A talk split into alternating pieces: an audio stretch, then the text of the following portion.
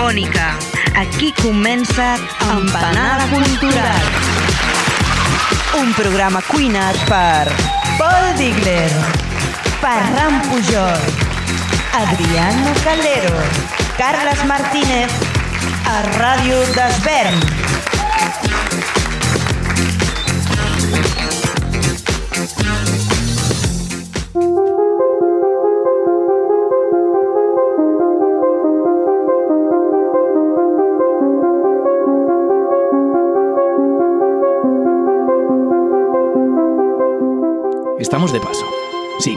De paso. Aunque como sucede también en este programa, no sabemos si durante una hora, una hora y cuarto o una hora y media, o incluso menos. No sabemos de cuánto tiempo disponemos, ni en las ondas, ni en nuestra bendita vida. Pero pasamos. Está claro que pasamos. Porque como diría el poeta, lo nuestro es pasar. Pasar haciendo caminos, caminos sobre la mar. ¿Qué? Ni con poesía resulta fácil de aceptar, ¿verdad? Ni con Machado, ni con el libro de ciencias naturales. Y mira que introducen a tiempo este concepto. Nacer, crecer, reproducirse y... Cualquier niño sabe cómo acaba esta vida en cuatro fases. Y aunque te saltas la tercera, e incluso la segunda, la última etapa de esta aventura llega seguro aunque tú no la esperes. Como solía decir mi amigo Edu, mi compañero de viaje y mi hermano, todos viajamos en un bus sin conocer la parada en la que debemos bajarnos, mientras esperamos a que el conductor nos avise cuando llegue el momento. Por eso algunos hacen de lo inevitable realidad un deseo voluntario y como ya vimos en alguna empanada del pasado confinado, y sobre todo escuchamos, hay quien prefiere vivir rápido, morir joven y dejar un bonito cadáver. Resulta evidente que cada uno lo lleva como puede. Hay quien retrasa su suerte jugando al ajedrez con la muerte, al son de una conversación importante sobre el silencio de Dios, mientras Allen confiesa no tenerle miedo a la misma, aunque preferiría no estar allí cuando eso ocurra. Solemnidad o humor. Y erotismo. En boca de mi padre, ante la impacable voracidad del tiempo, el erotismo debe compensar nuestras expectativas vitales. Solemnidad, humor, erotismo. Yo no lo tengo muy claro, pero en Empanada nos caracterizamos por la esperanza de que es la cultura quien nos puede ayudar. Y preparando este programa, dicha apuesta aún ha adquirido un sentido mayor. Porque hoy es el día de Sherlock, de Sherlock Holmes. Y aunque Conan Doyle tan solo lo sacó a pasear durante 40 años, hasta los últimos relatos de 1927, nadie duda de la salud de Sherlock. Sherlock sigue viviendo en nuestra memoria colectiva como nadie lo ha hecho hasta ahora. Y es que una de las gracias de la cultura y sus muestras creativas es que te permite vivir en la posteridad de un modo sorprendente, como el amor, la admiración y el respeto. Lo que muere es la materia, mientras que las ideas, los sentimientos, pueden vivir eternamente. Sherlock vive, como vive en mi pensamiento uno de sus fieles admiradores. Vivencia tras vivencia, relato a relato, día tras día. Porque al olvido, la auténtica muerte, le toca seguir esperando.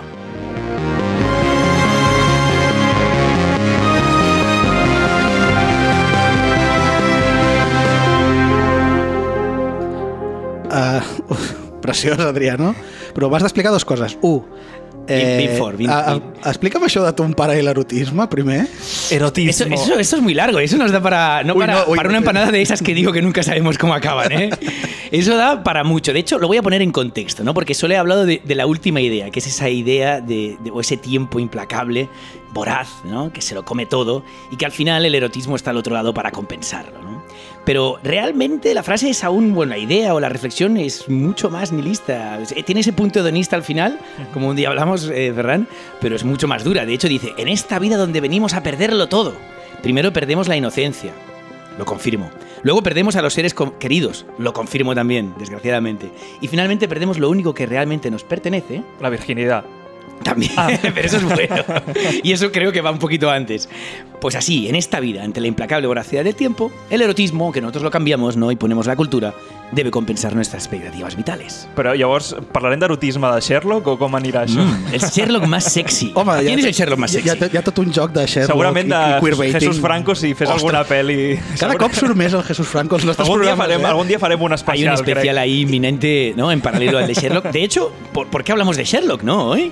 ¿Es muy interesante o, o no? ¿Qué? És que me, et me está mirando veo redes, redes sociales, És que et ¿no? Vale, la, vale, la segona pregunta era em deixes fer xarxes socials? Sisplau, sisplau. Doncs recordem molt ràpid, tenim YouTube, Empanada Cultural, Facebook, Empanada Cultural, Twitter, Empanada Cultura sense L, Instagram, Empanada Cultural i tots els podcasts els trobareu a SoundCloud. I ara sí, Adriano, ja està, ja estic content. Ja Bueno, simplemente que, que, claro, ¿de dónde viene todo esto? ¿Por qué, ¿Por qué Sherlock hoy, no? ¿Por qué Sherlock? Hemos estado recuperando algunas de las peticiones que nos llegaron para ese gran aniversario, ¿no? hace unos meses, y, y hubo una muy especial, hubo una muy especial que nos invitaba a qué, Ferran? Bueno, ¿y a qué, Paul? Hola, companys d'Empanada Cultural. Aquí l'Edu, des del barri de Gràcia, Barcelona. Jo voldria llançar una proposta. Com a oient, m'agradaria sentir algun programa monogràfic on pugueu construir entre les vostres diferents seccions tota una anàlisi. És a dir, per exemple, sobre la trajectòria d'algun personatge com Batman, la relació que va tenir a enfocar una nova onada de còmics d'aquest personatge i la posterior influència que s'ha tingut a l'hora d'abordar el mateix al cinema com s'ha anat passant d'aquell Batman pop i televisiu al de les pel·lícules de Nolan, per exemple. No sé, això mateix també es podria fer des de la vessant literària cap al cinema i la televisió amb un personatge com Sherlock Holmes, també. Llenço la proposta esperant que us interessi i us agradi la idea i aviam si algun dia es materialitza. Por supuesto, Edu. Siempre presente, siempre en las ondas, donde quiera que nos estés escuchando. Espero que disfrutes este programa especial de Sherlock porque lleva tu nombre.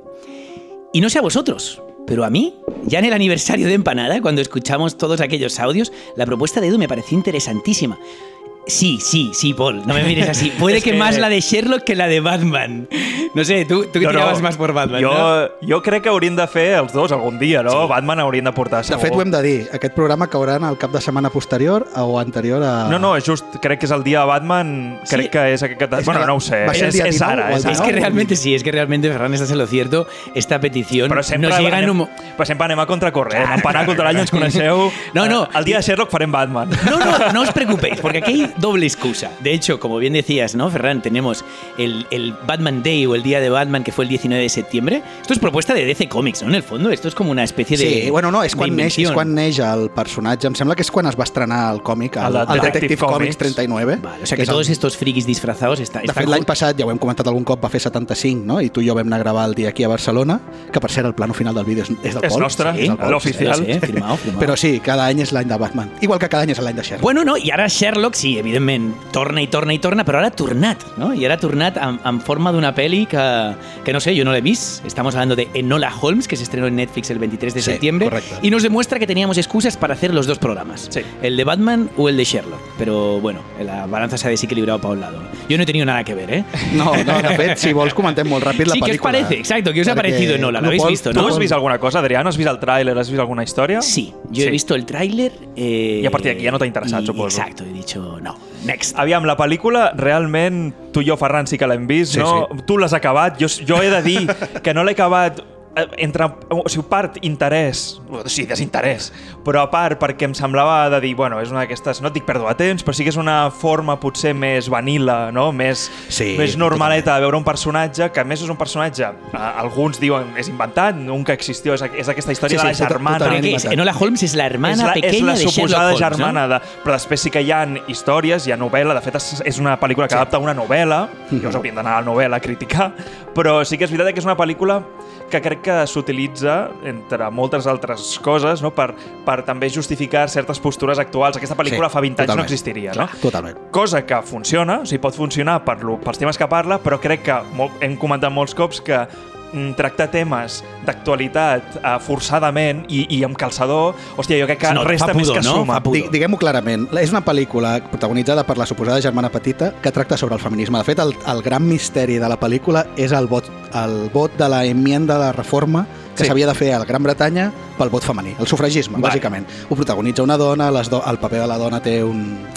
respon al signe dels Hosti, nostres això és molt temps. positiu, en el Clar, fons, no? El tema és que i això ho comentàvem, la pel·lícula té un to infantil marcadíssim, Mhm. marcadíssim. És dir, és una pel·lícula clarament dirigida als nens a nivell formal, per les bromes, els slapstick i tal. Però, en canvi, té aquesta contradicció de la temàtica, és bastant adulta, perquè no és només que hi hagi el tema sufragisme, sinó terrorisme d'estat, perquè també inclou cosa que és molt habitual en pel·lícules, més que en novel·les de Sherlock, d'aquesta mena d'atemptat contra Mhm. el Parlament o atemptat Sí, les contra els institucions, lords. Exacte. Llavors és una pel·lícula que queda una mica en terreny de ningú. S'ha de dir que no és un desastre total. Als nens els hi pot funcionar molt bé i al final es tracta de tornar a portar aquest personatge Sherlock Holmes a la palestra, encara que sigui a Home, través i a nivell tècnic la- està el director aquest, no? que em sembla que és el, el que estava també amb el projecte de, de Fleabag. Sí, bueno, el, els creadors de Fleabag tenen algun paper, ara no me'l facis recordar exactament, perquè directament hi ha trencaments de quarta paret, Sí. com haurem vist amb la... El que passa és Fleabag. que però... jo trobo que eh, és molt recent Fleabag, en el sentit d'aquest format també que hem vist molt recentment Sí, a, a House of Cards. Clar, o, evidentment. és aquest, aquest, aquest mu- no, no es diu mutis, no sé com es diu, no? El, el, el parlar directament a càmera com si tot es congelés i, Sí. i el personatge parla a càmera directament. Què passa? Que aquí, jo, jo fins on vaig veure, vaig veure quasi tota la pel·lícula, eh? però el que passa és que eh, crec que abusa molts cops. A Fleabag està molt bé, o sigui- Abu, a, a, No, a Fleabag és l'exemple perfecte. Perfecte. Però Però, aquí no, aquí, aquí em sembla que abusa, sí que és veritat de que està molt encarat a algo més infantil Sí, o juvenil, Que, que em sembla bé eh, que es facin arribar aquestes idees també a, a un públic, però crec que eh, em donava la sensació que hi havia molts moments que perdia la força que podia haver tingut la història mm, per centrar-se massa en ser el políticament correcte, el, el social justice warrior, no? que es porta ara de, Bastant. tot ha de ser així. Llavors, clar, hi havia moments que dius, mm, al final estic absorbint, intento absorbir tant aquesta tesi en comptes de la història que em queda mm, penjat d'un fet, fil. de fet no? també tot això ja neix a les novel·les, com has dit. No sé si el, lo de mirar càmera... M'imagino que les novel·les estan narrades en primera persona, per començar, perquè la Enola és un personatge inventat i ho redacta ella, són les seves memòries, no?, com a germana de Sherlock. I els llibres aquests són de la Nancy Springer, que té una vida bastant prototípica de feminista de primera onada, podríem dir. Era una, és una dona que té 70 anys, ara. Aquestes novel·les són de 2000... 2006, em sembla, si no m'equivoco. I, clar, ella era una dona de casa que de sobte va dir estic farta d'això i vull escriure. Clar, és, té aquest àmbit reaccionari de feminisme de primera onada, molt necessari per altra banda, però clar, i aquí, Adriano, em sembla que hi ha un tema bastant interessant que tractarem al llarg del dia, que és que aquesta dona va escriure... No el programa, eh, del dia, No, no, perquè el Ferran ja és, és una marató de 24 hores, eh, Holmes? Hi ha una, hi ha una cosa, perquè hem de, no, no, no hem vingut a parlar de Nola Holmes, però sí que hi ha una cosa que li va passar a aquesta dona amb les novel·les a l'hora d'escriure basant-se en el personatge de Sherlock Holmes que, que, que destacarem bastant el dia d'avui. Bueno, perquè en el fons és, és el que hem anat veient tota aquesta setmana que hem vist un munt de pel·lícules de Sherlock Holmes y es que la obra ya, ya ha superado al, al origen, al personaje inicial y ya se ha ido estableciendo un diálogo entre realidad y ficción que, que ha provocado que, que Sherlock no sea un único Sherlock, ¿no? Sherlocks hay muchos. Es de todos. Está claro, sí. Es así. No, y de hecho es, es cierto, ¿eh? Solo les pertenecen a los herederos de Conan Doyle las obras que están enmarcadas entre el 23 y el 27. Todo lo demás es de dominio público. ¿Y qué pasa? Que del 23 al 27 es precisamente cuando Sherlock adquiere un, un rol, el Sherlock original de las novelas, un, un punto más emocional, ¿no? Deja de Sí. ser tan racional y tan máquina eh, para ser también un, exacto, poquito más humano, ¿no? Y esto se debe precisamente a que Doyle eh, perdió en la misma guerra, en la Primera Guerra Mundial, a su hijo mayor, al heredero, por así decirlo, y a su hermano, a un hermano que tenía que fue brigadier, y ambos murieron en la guerra. Entonces, de algún modo, al volver a las novelas en el 23, él lo que hace es intentar imprimir un poco más de emoción por el momento que está viviendo y también porque estaba un poco agotado también, ¿no? De esa frialdad de Sherlock.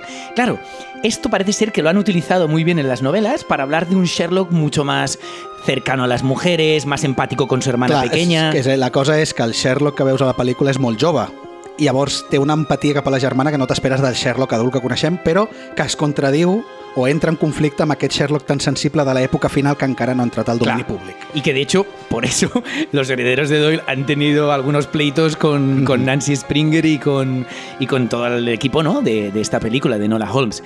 Eh, pero veremos que los herederos de Holmes han tenido muchísimos problemas Sí, sí, con todo el mundo. ¿eh? claro, estamos hablando de la obra más adaptada.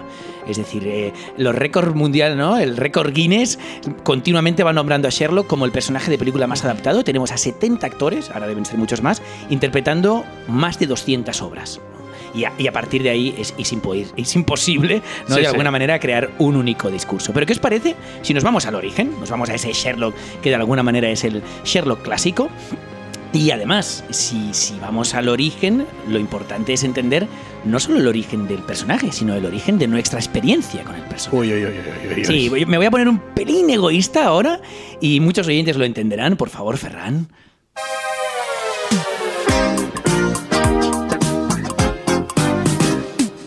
Es un detective de lo más singular. Así es, chicos, Sherlock Hound, el Ay, Sherlock ay, ay. sabueso. Y aunque el juego de palabras mola bastante, no sé vosotros, a mí Sí, me sí, ha hecho sí, mucha es gracia, todos aquellos que recordáis la serie... mateix que el d'Artacan. Exacto, D'Artagnan, D'Artagnan. Pero ciertamente esta serie se llamó solo así en Inglaterra. Aquí la conocimos desde el primer momento, Sherlock Holmes. Y, y tiene bastante sentido, porque por mucho que le llamen Sherlock Sabueso, precisamente Sherlock no era un perro, sino que era un zorro. Era un zorro antropomórfico. Pero bueno, zorros o perros, la serie para mí era la hostia. Estamos hablando de una coproducción italiana y japonesa con Hayao Miyazaki en la Sí, dirección. de fet, t'anava a dir que aquest autobús que has parlat, que t'espera, que et porta per la vida, era molt Miyazaki, però no ho he volgut treure. Bueno, es que al final, claro, aquí Hostia, de repente vale, coinciden dos realidades súper potentes, como es Miyazaki, todo su Total. mundo, todo su imaginario, con, con el imaginario de Sherlock. Pero como era precisamente una coproducción, ¿eh? y aquí esto es positivo, había más presupuesto de lo normal. Por lo tanto, la calidad técnica se nota. Y claro, ahora me diréis, hostia, pues yo vi el capítulo ayer y no es para tanto. Obvio, no es para tanto para los años 80, o sea, para el 2021, no pero para los años d'acord, 80... No estic d'acord, jo crec que, que sí. Sigue siendo potente, tant, ¿verdad? tant. És que Bueno, està al nivell de pel·lícules. Es que pensad, pensad que Hayao gastaba más de la cuenta y hacía unos 10.000 Claro. dibujos por que capítulo. es nota. Es decir, estamos hablando de 10.000 dibujos cada 24 No, minutos. no fan animacions a tres frames, que es diu, es fan animacions més contínues. Bueno, i, i estem deixant de banda això que està sonant, la música, que feia temps que no escoltava. La música podria estar sonant al Marula. Una noche loca. No, pensad que está. Y esto es otra de las gracias de la coproducción. Porque realmente la melodía original, la japonesa, es mucho más ñoña, es instrumental. Y aquí, como en cantidad de mangas, se partió de la melodía italiana. Totalment. El Italo Disco. Y, pero eso sí, con, con el doblaje español. Eso es un grupo a lo parchís que se llamaba Nins. Nins. Y exacto. Nins de nens, eh? Sí, exacto. Porque era- eran de Nice. Barcelona. Eran de- hablaban en, en- cantaban en castellano, pero eran de Barcelona. Bueno, entre que la serie era cada día más cara, o cada capítulo más cara, y que hubo algún problemilla, como hablábamos antes, con los herederos de Conan Doyle, again, la producción de la serie se vio detenida durante casi un par de años. Estamos hablando de que Miyazaki estaba en el proyecto en el 81 y el 82, se para dos años hasta el 84, y claro, cuando vuelven a recuperar el proyecto, Miyazaki ya está liado con Nausicaa y el estudio Ghibli. Así que él solo se encargó de esos seis capítulos que había rodado al principio, que después reordenaron, ¿eh? Después no es que si vemos los seis primeros vemos a Miyazaki y después no. ¿eh? Miyazaki está ordenado y gracias a eso también, de alguna manera, el alma de Miyazaki planea sobre todo el proyecto. Porque... Por ejemplo, ¿no? Vamos a buscar detalles muy Miyazaki. Están las míticas escenas de acción y persecuciones que él ya había trabajado en Lupin. y, y- y bueno, también, por ejemplo, los diseños estos imposibles que le encantan, ¿no? Diseños aeronáuticos tan característicos Muy de su cine. muy steampunk, por otro lado, sí. Es el típico reflejo de ese amor que tiene Hayao por los ingenios voladores, pero con ese punto futurista y a la vez totalmente clásico, ¿no? Yo, de hecho, siempre digo así medio en cachondeo que el Sherlock de Guy Ritchie, que no sé si hoy tendremos tiempo para él, tiene su origen no en las novelas, en Miyazaki, Bueno, en Hayao. Hay algo, sí, hay no? amb algo muy Guy Ritchie ahí. sí. Pero me suena que tú vas a mencionar en algún momento algún Guy momento, Ritchie en algún y- momento. y, Sherlock eh, da para mucho. Así que sigamos, acabemos con Hayao. Pero por favor, Ferran, antes de acabar, déjame volver a escuchar esa, esa risa, esa inolvidable risa del profesor Moriarty. Porque sí, es de las pocas veces que el doblaje castellano ha aportado muchísimo. Por fin he conseguido liberarme de Holmes. ¿Le ha gustado la broma, inspector? Adiós, adiós, inspector. es que És molt bo, és molt bo. és, que, és que tot això, eh? perquè jo l'Adriano de quan en quan li poso el guió jeje, jiji, i, va- i va dir, no, no, és que això sortirà de debò. És brutal. Je, es, ji, jo, es lo que se llama una risa educativa, ¿no? Que, Estoy que, por cierto, exacte. sona, jo juraria que és el doblador original del Homer Simpson, aquí a Espanya. Diria Ah, que la no veu tenia és el eh? però bueno, potser S'haurà no. No, real- realmente muy potente el equipo de doblaje de esa serie, pues que hace poco me volví a ver un par de capítulos. ¿eh? Eh, en fin, si queréis recuperar esta joya de la animación ochentera, o no- muy actual en el fondo, la tenéis completa en Amazon Prime. Y si os parece bien, ahora sí, por favor, Ferran, por favor, Paul, volvamos al origen, pero a ese origen eh, literario, ¿no? Eh, el origen del padre de Sherlock, por así decirlo.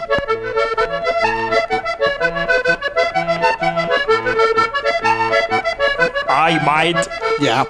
Bueno, ja és curiós, eh? Ja és curiós que molts dels autors anglesos més cèlebres en realitat no surtin pas del cor de l'imperi, és a dir, no són bretons de la Bretanya, diguéssim.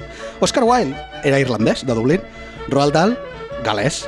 George Orwell va néixer a la Índia. Hostias. Què dius? I sobretot... Era un colono. Sí, clar, clar, era, era l'imperi. Però el que ens interessa avui és l'escocès Arthur Ignatius Conan Doyle. Nascut a Edimburg el 22 de maig de 1859 en una família d'il·lustradors i caricaturistes, Doyle sempre va dir que la seva passió per l'escriptura li ve en realitat de sa mare, que era una gran narradora i lectora apassionada. Fem un salt al 76, on ingressa a la Facultat de Medicina de la Universitat d'Edimburg i coneix el metge forense Joseph Bell, que, que té impressionants dots de deducció que l'acabarien inspirant en cert personatge que Doyle l'acabaria creant. És en aquesta època que ja comença a escriure relats d'aventura en el seu temps lliure. A l'acabar la carrera, Doyle intenta treballar de metge, però no té gaire èxit, així que es centra més aviat en escriure. El 1885 es casa amb Louise Hawkins, amb qui tindrà dos fills. I és aquí quan les seves creacions veuen l'aparició d'un personatge que el durà la fama. El 87 publica Estudi en Escarlata, la primera de les aparicions del detectiu més famós del món, Sherlock Holmes. Llavors anem a 1893, on ja s'ha mudat a Londres amb la família i Doyle decideix posar fi al personatge, ja que tot i ser el que més èxit li ha portat, no el considera un personatge interessant i a més li impedeix escriure altres relats i novel·les que li venen més de O gust. sea que estamos hablando que desde el 87, ¿no? Que publica eh, Estudio en Escarlata, Sí. no- hasta el 93, Seis el tío años. se mantiene ahí Seis como padre de añitos. Holmes. Pero se cansa, Se a los cansa. seis años. Als sis, als sis anys, així, eh, ja et dic, porta 26... Espero que con empanada tengamos más paciencia, ja, ¿eh? ja, ja veurem, ja veurem. També us diré Más una, paciencia y tanto triunfo y tanto éxito como... us diré una cosa. Uh, ara que deies això que s'ha mudat a Londres, jo vaig estar a on... Al, al museu. Al, no, a la casa. On vivia, o sigui, tu pots no? estar a la Ah, casa, a la casa de a la Doyle, casa que no. està sobre un pub irlandès.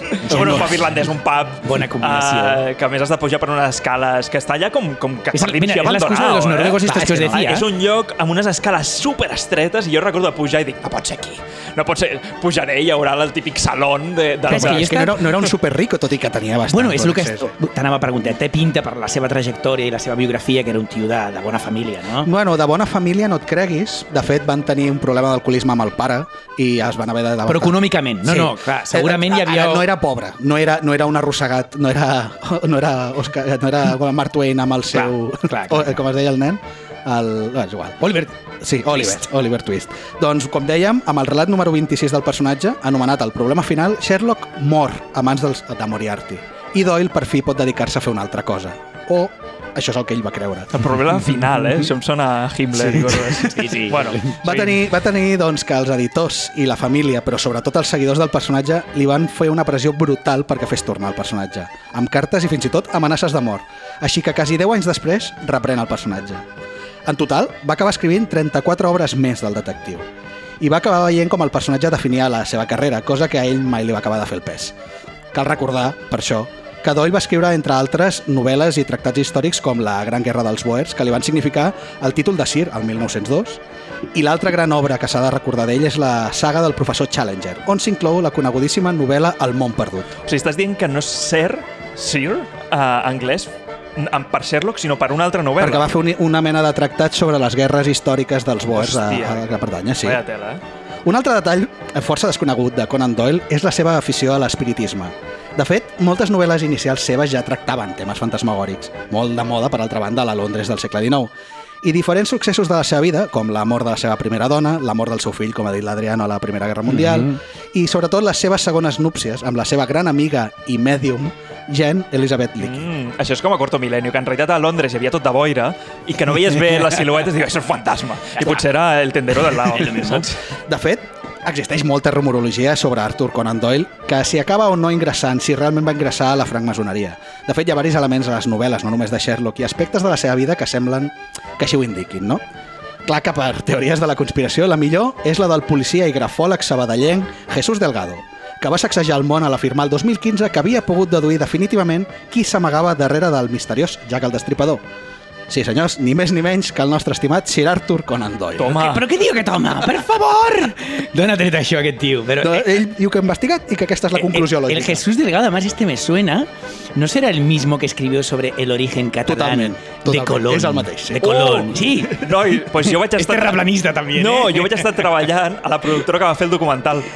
A ver, eh, yo, yo, de hecho llegué a hacer una ruta como guía para guías de Barcelona. Madrid, por estaban-. No, no, que todo lo contrario. Y hostia, evidentemente había detalles y se estaban basando en hechos, pero bueno, de ahí a, de ahí ahora a romper el gran argumento que nos ha presentado nuestro imperio. Sí. Que era, que era un italiano afincado aquí, com genovés, com després, Da Vinci. Da Vinci passa deien que por era català. Portugal, exacto, sí, al final el, el matxembrat que tenim d'orígens històrics. Però me parece que hemos llegado. Podríamos seguir hablando, ¿no? Me parece que podríamos sí, seguir hablando o- muchísimo la, de. la vida de Conan Doyle és interessantíssima. Òbviament hem fet les pinzellades per aquestes coses Sí, porque de después tocar, está eh? ese punto eh, ocultista, ¿no? Claro, que cosas que se ven en sus, que en, su- en sus obras también, ¿no? Que realmente el tío estaba obsesionado con el más allá y mantenía conversaciones precisamente con su hermano Y con su hijo. y con su hijo mayor, ¿no? Pero sí es cierto que es importante el padre, pero como hemos comentado en algún momento, el hijo ya vuela libre, vuela solo. Y de hecho es importante también entender que eh, obviamente que Sherlock ha sido interpretado y adaptado de muchas maneras, porque es que el propio Sherlock, en esos 40 años en los que estuvo en manos de, de su padre, Conan Doyle, también, también mutó, como hemos visto, pasó a ser un pelín más sensible en la última etapa. Sí. Pero a mí me gustaría mantenerme en esa realidad más clásica de- del Sherlock de las novelas y ver cómo aparece en las primeras adaptaciones cinematográficas, cuánto hay aún ¿no? de esa conexión, porque muchos de los aspectos que siempre se le atribuyen a Sherlock, como son la pipa, ¿no? O esta gorra de cazador, ¿cómo es que se llama, Ferran? Ah, és el Deer, eh, Deer Stalker, Deer Stalker, ¿no? que és Sí. el cazador de ciervos. És que una de gorra de es cazador. una- de Es una gorra y además es una gorra que de- la mires por donde la mires tiene la misma Sí, forma, i ¿no? té les orelleres al costat que normalment van plegades cap amunt. Que tiene, tiene un punto como de ambigüedad, que no sabes si viene y va, ¿no? Porque... No, no, exacto. No, no com aquella foto que s'ha filtrat del rei, que té el rei emèrit, que té la gorra cap al que, que, que aquell clarament se'n va. Que sabes exactamente que se va, exacto, muy bien dicho, tío. Eh, exacto, o sea, se puso de moda la gorra de cazador, el, la capa esta, ¿no? Esa capa así tan victoriana, sí. Inverness, que, que además es muy detectivesca, después ha evolucionado para ser esa gabardina mítica De qualsevol de, de Humphrey Bogart, ¿no? Y, y en el fondo esto, todo el mundo lo atribuye a la novela, pero no es de la novela, son de las ilustraciones, porque claro, las novelas llegan a ser novelas, pero primero pasan siendo relatos de A- este... a ¿no? De sí, este diario que comentábamos, que es The Strand. The Strand. The Strand, que creo que además también aparece en la serie de la que nos hablarás, ¿no? De Sherlock. Entonces, es, en estos relatos siempre había un ilustrador, que de hecho es muy gracioso porque ahora os voy a hablar de dos personas muy importantes en la obra de Sherlock que se encargan de esta ¿no? adaptación, por así decirlo. Partimos de Conan Doyle, que nos lo has presentado muy bien, Ferran, y de ahí nos va- vemos como Paget, Sidney Paget, o Sidney Paget, es, claramente un... Paget. un- sí, Paget no, Paget, Paget es claramente un apellido de origen francés, ¿no? Peugeot. Paget. Eh, I William Gillette. És, és molt bo, això. És que tenim en Paget i en Gillette. I en Paget, Paget? És el Dupont i Dupont. El Tintín. Exacto. Bueno, Paget era un ilustrador y es quien se encargó de ir acompañando esos relatos de Conan Doyle con la imagen que él creía que tendría eh, Sherlock Holmes. Estamos hablando de unos 356 dibujos que ilustró en 37 historias cortas de, de Holmes y es él ¿eh? quien se encarga de meter esta capa esta pipa y evidentemente el sombrero. Y por el otro lado tenemos a Gillette, ¿no? A William Gillette, que es el actor por excelencia, o como mínimo el primer actor. Pero no estamos hablando del cine, aún es muy pronto, estamos hablando del teatro. Del teatro. Y él es quien realmente acuñó eh, temas tan importantes como la frase elemental, mi querido amigo, ¿no? Mai dit O a les mi novelas, querido- exacte. Exacto, nunca lo dijo. Sí que es cierto que después hay un diálogo y como. Como Conan Doyle recupera Ah, de nuevo al personaje, cosas de la cultura a popular. Exacto. O sigui, la, la versió original oficial és Elementar, mi querido amigo. O no, no, se- no, és elemental Ah, vale. i ell sovint li diu mi querido amigo a Vale. Watson, però no són dos frases que Vale, es diguin perquè sempre el que ha arribat als temps, no? Sí, a la el gran, a l'imagin- Watson, ¿no? Exacte, l'imaginari és aquest. Elementary. Elementary. Ele- ele- Sí, es- viene por ahí. De hecho, ahí nos comentarás, ¿no? Una serie también, Ferran, que, que ha una adopta sèrie americana que és l'Elementary, però no ens avancem, Adrià. No, ens lo importante es que quede claro cómo eh, Conan Doyle es el padre, pero después hay unos tutores, que son Ay. Gillette y Paget. El pueblo en sí mismo acepta el personaje y también lo muta. Conan lo recupera y ya introduce todos estos elementos. ¿Y con qué damos? Con un Holmes clásico que tiene muchos tics. Algunos los hemos comentado ya y otros, ¿qué tal, Ferran, si nos los Sí, comentas millor tú? que fem potser un repàs de qui és el Sherlock prototípic no? Exacte. abans de continuar.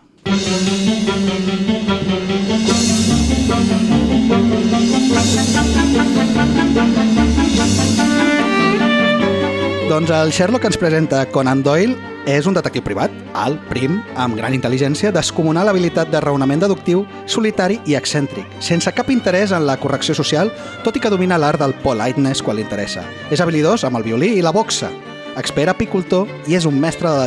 Lo del Pod- boxeo se lo quedó, se lo quedó Rich. no, el però és que, lo han és, que- ignorado, és, ¿eh? és, és molt important que mm, eh, Holmes pugui lluitar, perquè clar, s'hi trobarà sovint, no? Un tío Pero- que aunque tiene mucho de coco y mucho de razón, también tiene cierto físico. Clar, perquè és que si no, simplement li fots una hòstia i s'acabó. Ja veieu Bueno, és tiene un, Watson, tiene a Watson. Ja veieu que és un figura, eh? Doncs li hauríem de treure algun defecte. Diguem clar que Sherlock era cocainòman. Però només quan s'avorria, eh? Però estava justificat. Clar, perquè només, és que no li arriben Claro, casos interessants. Llavors, al, al, al segle XIX, què has de fer? O et drogues o resols assassinats. no bueno, una podia haver sigut alcohòlic, mira, el tio li ha donat la cocaïna.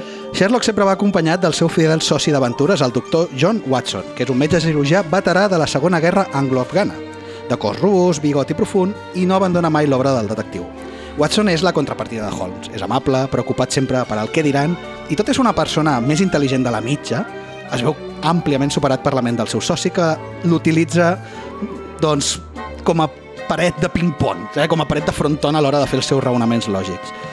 Però és que a més hem, hem de dir que el paper més important de John Watson és el de cronista de les obres de Sherlock. De fet, la gran majoria de novel·les i relats d'Arthur Conan Doyle eh, sobre el detectiu, segons ell mateix afirma, i així es reflexa en l'estil Mhm. narratiu de les mateixes novel·les, no són més que l'obra de Watson que aquest redacte li fa arribar a Doyle, com si Doyle simplement actués d'agent literari del doctor. En total, hi ha Era, quatre... era, era el juglar, no? Eh, sí. Era el, el que cantava les gestes del seu company. En total hi ha quatre novel·les completes, cinc reculls del 56 o 58, depèn a qui li preguntis, eh, relats curts de Sherlock, que formen el que es coneix com el cànon holmesià, és a dir, les novel·les escrites per Arthur Conan Doyle. Aquestes no van ser escrites en ordre cronològic en quant a la biografia del personatge, així que a vegades hi ha incongruències entre elles, però anem a destacar els punts clau, d'acord?, que s'han de tenir clares a l'hora de saber quin és el Sherlock bàsic. Primer, viu al 221B de Baker Street, això ho sabem tots, representat per la senyora Hudson. Dos, Sherlock no té amors coneguts, però sí que hi ha una dona, Irene Adler, a la que admira per la seva astúcia. De fet, ell l'anomena la dona. La mujer. Però no amb connotacions d'amor, eh? Almenys no, no, no, no les novel·les. Esa mujer. Hay admiración ahí. Sherlock té família, de fet té un germà gran, que és el Mycroft, que l'iguala amb intel·ligència i fins i tot és superior en quant a ell. Pero no le gustan esos jueguecitos, No, però ell no, De- però no, però ell no, de fet de és, un, és, bastant, tontas. és bastant de classe alta, no? Es, es, es belluga entre polítics, als serveis secrets... Govern de- britànic, no? Exacte. Després, el seu gran enemic, professor James Moriarty, l'ha anomenat... Bueno, James no se sap, això és un nom que se li ha donat per la Professor J. Moriarty. És el Moriarty. L'ha anomenat Napoleó del crim, que és bàsicament el reflex obscur de Sherlock. És igual d'intel·ligent que ell, però les seves inclinacions són més perverses. I per últim, el que ha de quedar clar és que Sherlock mor i torna. I aquest lapse de temps... Que dèiem, no? Exacte, Sherlock mor perquè Conan Doyle diu... Que "A està hasta cul". narices. I després es veu obligat a tornar-lo, doncs aquest espai de temps, que són 3 anys en la ficció narrativa, se'l diu, eh, se li- se l'anomena el gran hiat, el gran hiato, el gran buit. Pues és com a, el Thanos, no? Quan, quan fas xasquido, no? Es passen com, com, se, com se li diu allò, no? Té un nom. Eh, té... eh, blimp. Bueno, Sí, bueno, és igual. El tema és que aquests 3 anys han, han sigut or per als creadors de la ficció basada en Sherlock, perquè clar, ningú sap què va fer Sherlock durant aquell temps. Després Conan Doyle també va aprofitar aquest espai per seguir escrivint novel·les d'ell. Però vaja, que Sí, ja realment això, Ferran, és, és, en el fons és un, un punt de partida excel·lent per totes aquestes adaptacions de caire serial que anirem veient. Totalment, Que, totalment. que de fet, si, si us sembla bé, passem al cinema, no? passem a aquestes adaptacions cinematogràfiques i de fet el, que, el primer que veiem és que sí, són pel·lícules, però clarament responen a una idea de serial. No? Jo, jo trobo que tenim un, un serial històric, no? molt, molt històric, literari i cinematogràfic, i, i, i en el fons tota aquesta anada i tornada que tu mateix has dit, no? que de vegades no queda clar amb els detalls, provoca també que les mateixes pel·lícules siguin una miqueta caòtiques si tu el que vols és, no? si tu el que vols és tindre una biografia Lineal, cronològica sí, sí. y lineal de, de Sherlock. Això no funciona així. Y, y por otro lado, a nivel creativo también es muy potente. ¿No? ara, ara, és que se'm feia super raro Sí, un, muy- un discurs en català perfectament durant més de dos Puedo, minuts. puedo, puedo. L'Adriano el parla a la català. Exacto, con Aznar. bueno, hablemos de esas primeras películas que, como os decía, sí, son adaptaciones sonoras, porque podríamos estar hablando del mudo, que hay grandes joyas del mudo también, pero eh, no acabaríamos nunca. Vayámonos al sonoro, vayámonos al sonoro. Y como os decía, se fueron haciendo varias películas del sonoro, pero si hay un primer Sherlock, ¿eh? de carácter histórico, que todo el mundo recuerda, es el actor británico Arthur Warner, quien fue el primer actor en interpretar a Sherlock no la primera vez, sino que lo interpretó cinco, en cinco ocasiones seguidas. Estamos hablando de cinco películas que se produjeron en los estudios de Londres Twickenham entre los años 1931 y 1937. Y claro que, como ya hemos comentado, habían aparecido otros Sherlocks de índole distinta, pero, eh, como nos recordaba Ferran, ¿no? con ese aspecto clásico, pero para mí, y Precisamente para Vincent Starrett, que fue un crítico muy importante de la época, no hubo mejor Sherlock Holmes que Arthur Warner para ser visto y escuchado Él decía, en nuestro tiempo, yo evidentemente digo, en su tiempo.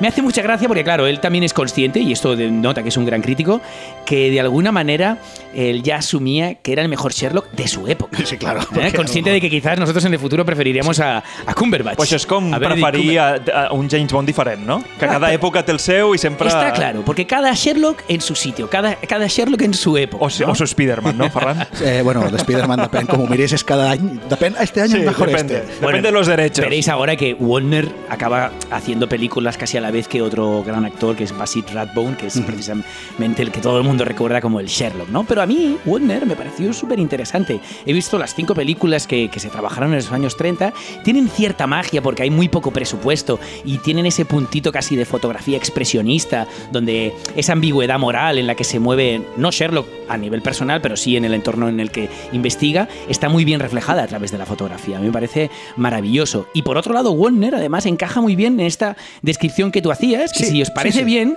recuperemos la, la, la La novela, oficial, ¿no? la oficial. novela donde de algún modo eh, se supone que es Watson quien, quien define o quien describe ¿no? a Sherlock y dice así, dice, su estatura sobrepasaba los seis pies, que para los que no nos movamos en pies y, y en millas es un metro ochenta y tres aproximadamente. Yo- yo O sea, era mido- más alto... yo mido seis pies. Tú mides seis Sí. pies. Pues era un poquito más alto, o como mínimo más alto que un Pero no me parezco nada más a Sherlock. bueno, claro, porque a- al otro lado era extraordinariamente enjuto y eso provocaba, de algún modo, ¿no? que, que fuera como que se viera de una manera muy estilizada.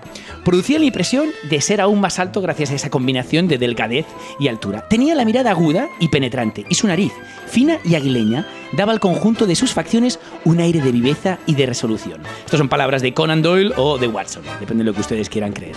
Así era Warner, pero ¿sabéis qué? También, también que era, era calvo. Oh, Bueno, no, no del todo, ¿eh? Es decir, De fet, asomaba de- ya una... De fet, Sherlock és una combinació dels meus sis peus, la calva de l'Adriano i el nas del Pol. Ah, Exactamente, ya lo teníamos, teníamos un Sherlock aquí total. De hecho, es así, ¿eh? Por eso en una de las producciones que él hizo, en la tercera en concreto, le pusieron un postizo y le cambiaron al Watson que tenía al lado y que siempre le acompañaba, que era Ian Fleming, por uno mucho más joven. De esa manera él podía resultar un pelín más Però no el Ian Fleming, escritor de James No, Bond, eh? no, Ah, no, vale, no, vale, no, vale. no, no, no. oh, mira, eh, quina gran empanada. Sí, sí, sí, no, no, i molt bé, eh, que és perquè jo buscant informació de Ian Fleming vaig veure aquest tio i no el coneixia. La qüestió... No, ¿Veis? No me hagáis otra vez, por favor, hablar en catalán. ¿eh? Mantengamos este bilingüismo propio de nuestra tierra. Eh, ya sabéis qué pasa con estas cosas, ¿no? Lo de siempre, pero en los años 30. Actores que debían parecer un poquito más jóvenes para contactar pues, con un público más joven y seguramente con el deseo del público femenino y masculino también, ¿por qué no? Y es que en cierto modo no estaban equivocados. Estamos hablando de un Warner que a mí me encaja totalmente en la descripción de Sherlock y en su manera de actuar es potentísimo, pero es un tío que nació en el 1875. Es decir, cuando hace su primer Sherlock en el 31 tiene 56 años. És que ha nacido antes de que exista Sherlock. Imagínate, cuando hace su último Sherlock en el 37 tiene 62. Cuando yo era joven, un, pelín, Sherlock. un pelín grande, ¿no? Y claro, seguramente, por eso seguramente el tío no es el más recordado de la época. Si vosotros buscáis o preguntáis quién era el Sherlock de la época, es Basil Rathbone. No sé Sí. si os suena Sí, sí, este sí. tío, a ti, Paul. Sí. Sí, por la rata, el Basil. Ah, el- es que És el exacto, muy bien, sí, sí, tío. sí. Claro, o sea, por un lado tenemos a, a- És que els meus referents, Adriano. Sí, sí, te veo, te veo potente, te veo potente. Está claro que, a ver, por un lado tenemos a este actor nacido en Sudáfrica, de origen inglés, que, que le coligió el relevo a Warner en el año 1939, y este sí que rodó, rodó una saga. Este tío rodó 14 películas como Sherlock Holmes. diuen, i després diuen de Harry Potter? Toma, Esta es la clara demostración de que era un serial. ¿No? y de que al final era- hacían estas películas como bollería industrial. Estamos hablando del año 39 al 46. 14 pel·lis. en aquest Basil. Rathbone, ¿junto a quién? Junto al mismo, en este caso no era Ian Fleming, era Nigel Bruce, el mismo Watson. Era un tándem que se mantuvo durante 14 películas y no solo películas. No sé si habéis tenido la oportunidad de escuchar otros podcasts aparte de Empanada Cultural. No, no, yo solo Pero esto. os podría presentar un podcast muy interesante. Por favor, Ferran. Petri Wine brings you Basil Rathbone and Nigel Bruce in the new adventures of Sherlock Holmes. No es un entierro, ¿eh? And now I'm sure Dr. Watson's expecting us, so let's go in and join him. Come in, come in, come in.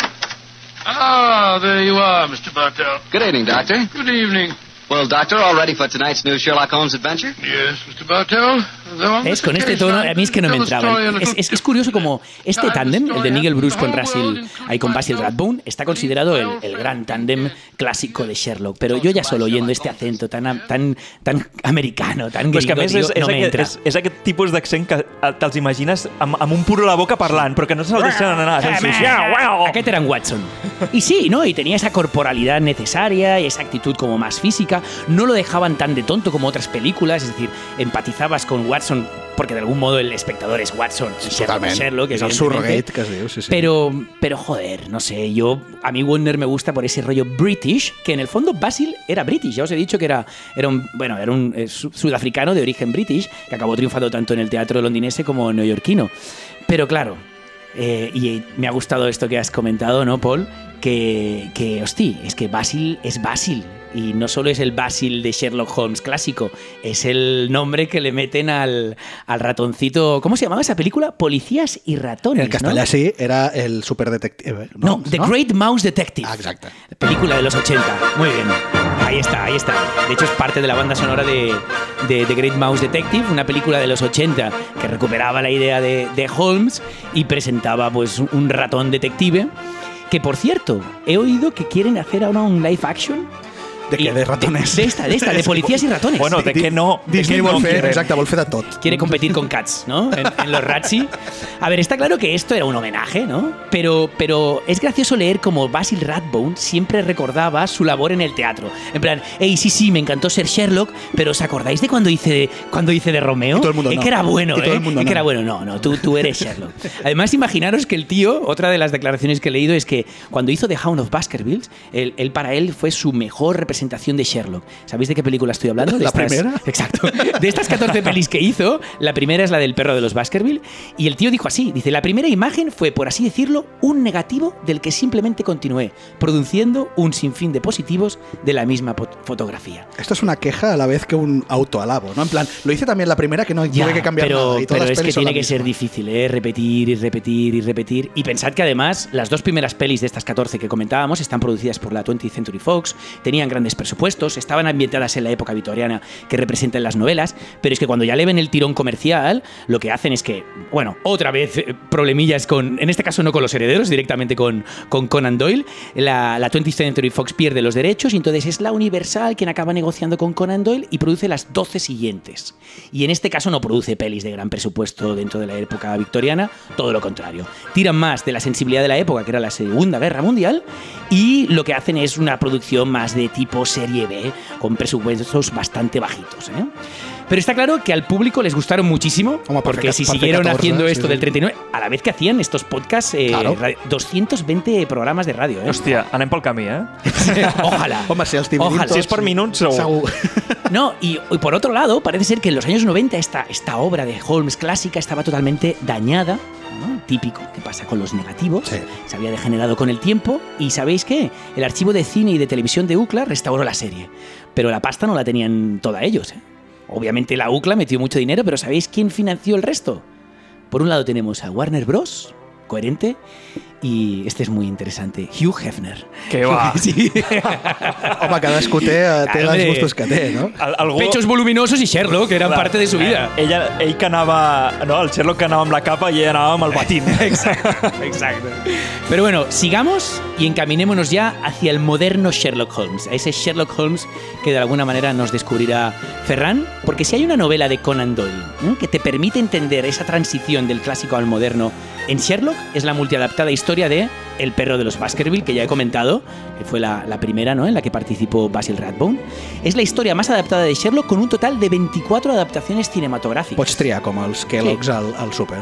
Sí, y de algún modo pues puedes ir a la de Basil Rathbone, que es bastante clasicota, ¿no? Es, como digo yo, es un cine como muy aséptico, sí que hay cierta producción, pero esos claroscuros que son necesarios en la película, ese grano que igual, por ejemplo, tenían las películas british, o que, como ahora veremos, ese color, ¿no? Esa saturación que tenían las pelis de la, de la Hammer, no, no las encuentras en las de Basil Rathbone. Para mí, de hecho, eh, la mejor representación de esta El perro de los Baskerville es la producción del año 1959 que hizo la Hammer Films.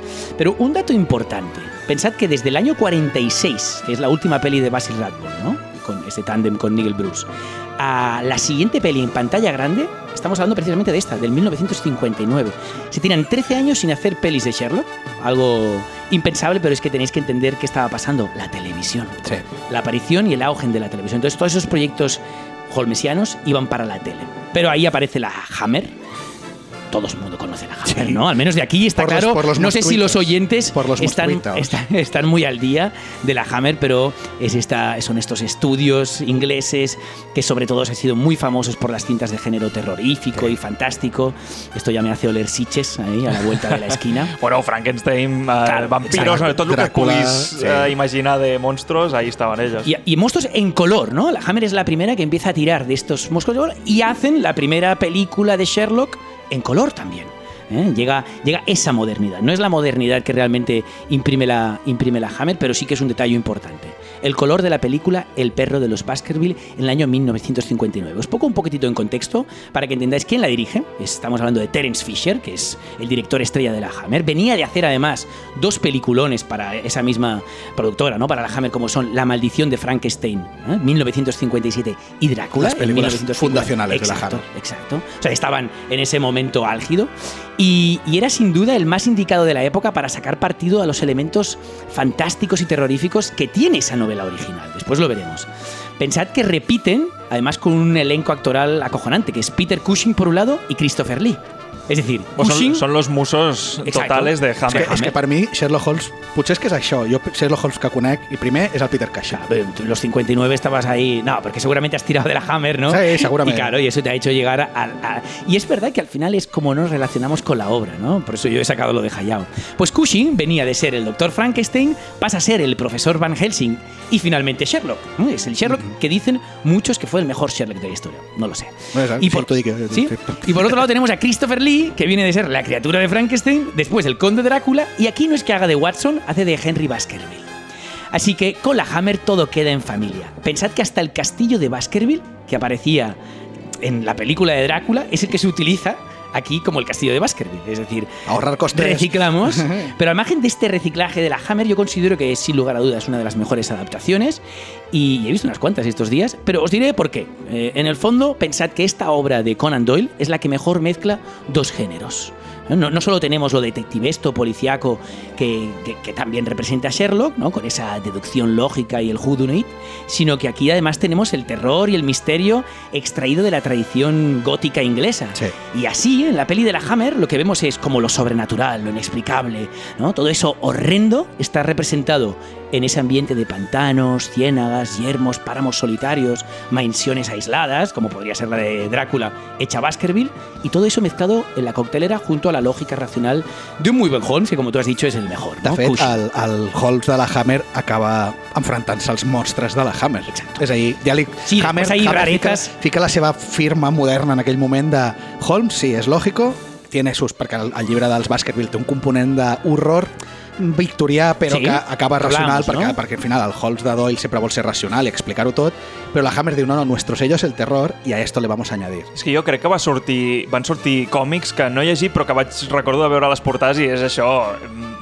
portades de fantasia de Holmes contra Sí, sí, eh, la, después- la criatura del pantano. Sí, o, sí. saps? Era tot com... Después hay estos, hay estos híbridos locos, ¿no? Desde, no, no en el caso eh, terrorífico, pero sí que existe con Freud, ¿no? O sea, de, de hecho han mezclado. Y ahora hay una serie potentísima que se llama Viena Blood, que realmente no tiran ni de Freud ni de Sherlock, pero está el alma de estos dos personajes en la pareja de detectives que investigan, un doctor y un detective.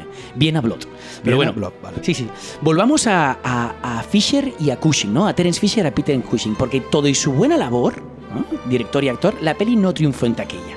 Y no pudieron hacer lo que se suele hacer con Sherlock, que era repetir y repetir. Cushing volvería a interpretar al personaje en el ámbito televisivo, pero sin dejar. I també ¿no? en, en una comèdia. ¿Sí? ¿En Hot, cuál? Shot, Hot Shots. Pero ahí- Hòstia. És que és el, és el, fa de Sherlock amb la lupa, Ah, que es sí, treu, hòstia. Sí, es sí, treu la sí, lupa sí. de l'ull i segueix quan, tenint l'ull quan gran. estan, Que que, fa d'escandinau, no? Era, Eh, bueno, fa com, fa com de noruec o no sé què, i, i és que és aquell grande, moment que va a la biblioteca que, que Llegeix per fer lupa. veure de que, de que és un tio com rotllo nòrdic, uh, no, no s'entén o sigui, ho subtitulen, no s'entén com parla, però en realitat estan parlant al revés i tot va marxa enrere. Hòstia, I és no me jodas, la frase en anglès, però posada al revés. Si es que lo que hizo Nolan ya estaba en, en Hot Shot, loco. Shots, per favor. Tenet un altre cop, no. no. No, sí. Es, es de No, però no recordeu que quan Sí, sí, va sí, agafant sí. llibres i els va col·locant a marxa enrere, els va tirant i els sí, sí. col·loca perfectament a la llibreria. Hostia, no me acuerdo muy bien. Es que ahora, ahora mismo tengo un, Uy. una empanada Sherlock. Yo soy el expert en, en estas, en estas películas. Sí, eso sí. Cinema malamente. Aterriza como puedas. Cinema malamente. Com que malamente, per favor? Després us hòsties. portaré una pel·lícula, ja, ja sortirà ja, de Sherlock Holmes. Acabemos con la Hammer porque en el fondo Fisher sí que intentó seguir esta, ¿no? esta especie de saga y volvió a hacer una película. Cushing no repitió con él. En este caso, ¿sabéis quién pasa a ser Holmes? Christopher Lee. Christopher Lee, que había vale. sido el, ¿no? el Baskerville de, de la primera de la Hammer, en la segunda de Terence Fisher hace de detective. Pero es que pensad que, este tío solo le faltó hacer de Watson, porque después en los 70 hizo de Mycroft Holmes. Estoy hablando de Christopher Lee. La hizo en una adaptación muy moderna, que es la de Billy Wilder, que no entraría en este clasicismo, de hecho no entraría en este programa, pero ahí la recomendamos porque es bastante interesante. Y ya para acabar, ni Christopher Lee, ni Peter Cushing, ni desgraciadamente Warner, que como ya he dejado de entender a mí me gustó muchísimo, si hay un rival para Basil Rathbone, para hacerse con este título del mejor Sherlock Holmes, eh, tendría que discutir con Ferran sobre Cushing, pero, pero está claro que uno de los mejores Sherlock Holmes es el televisivo Jeremy Brett. ¿no? Pero aquí ya nos vamos al año 80, al año 84. Es curioso ver cómo de esa modernidad incipiente que aparece con la Hammer, Pero un momento, Adriano. nos momento. tenemos que ir a los 80 para volver a un clasicismo. Pero un momento, decir, Adriano, un momento, un momento. Tú sabes que Carlas, que no está hoy aquí, no piensa eso. Que el ¿Cómo mejor que no? Sherlock... se- No, no, no. Carlas piensa que es Keaton. ¿Cómo que Keaton? Michael Keaton, también ha hecho de Sherlock. Michael Keaton. Pero aquí, aquí estamos Buster- locos o qué? Buster Keaton. ¿Buster Keaton tiene un Sherlock?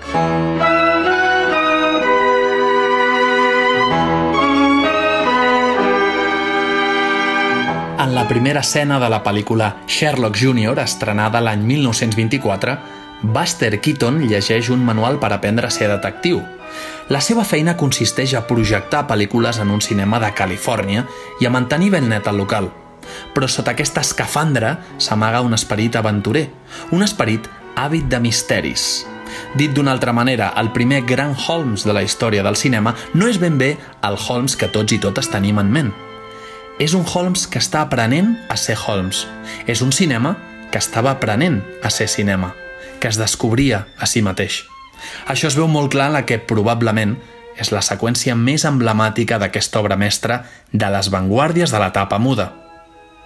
Keaton es queda adormit dins la sala de projecció. De sobte, el seu cos es desdobla en una mena de jo oníric que baixa al pati de butaques i penetra dins la gran pantalla.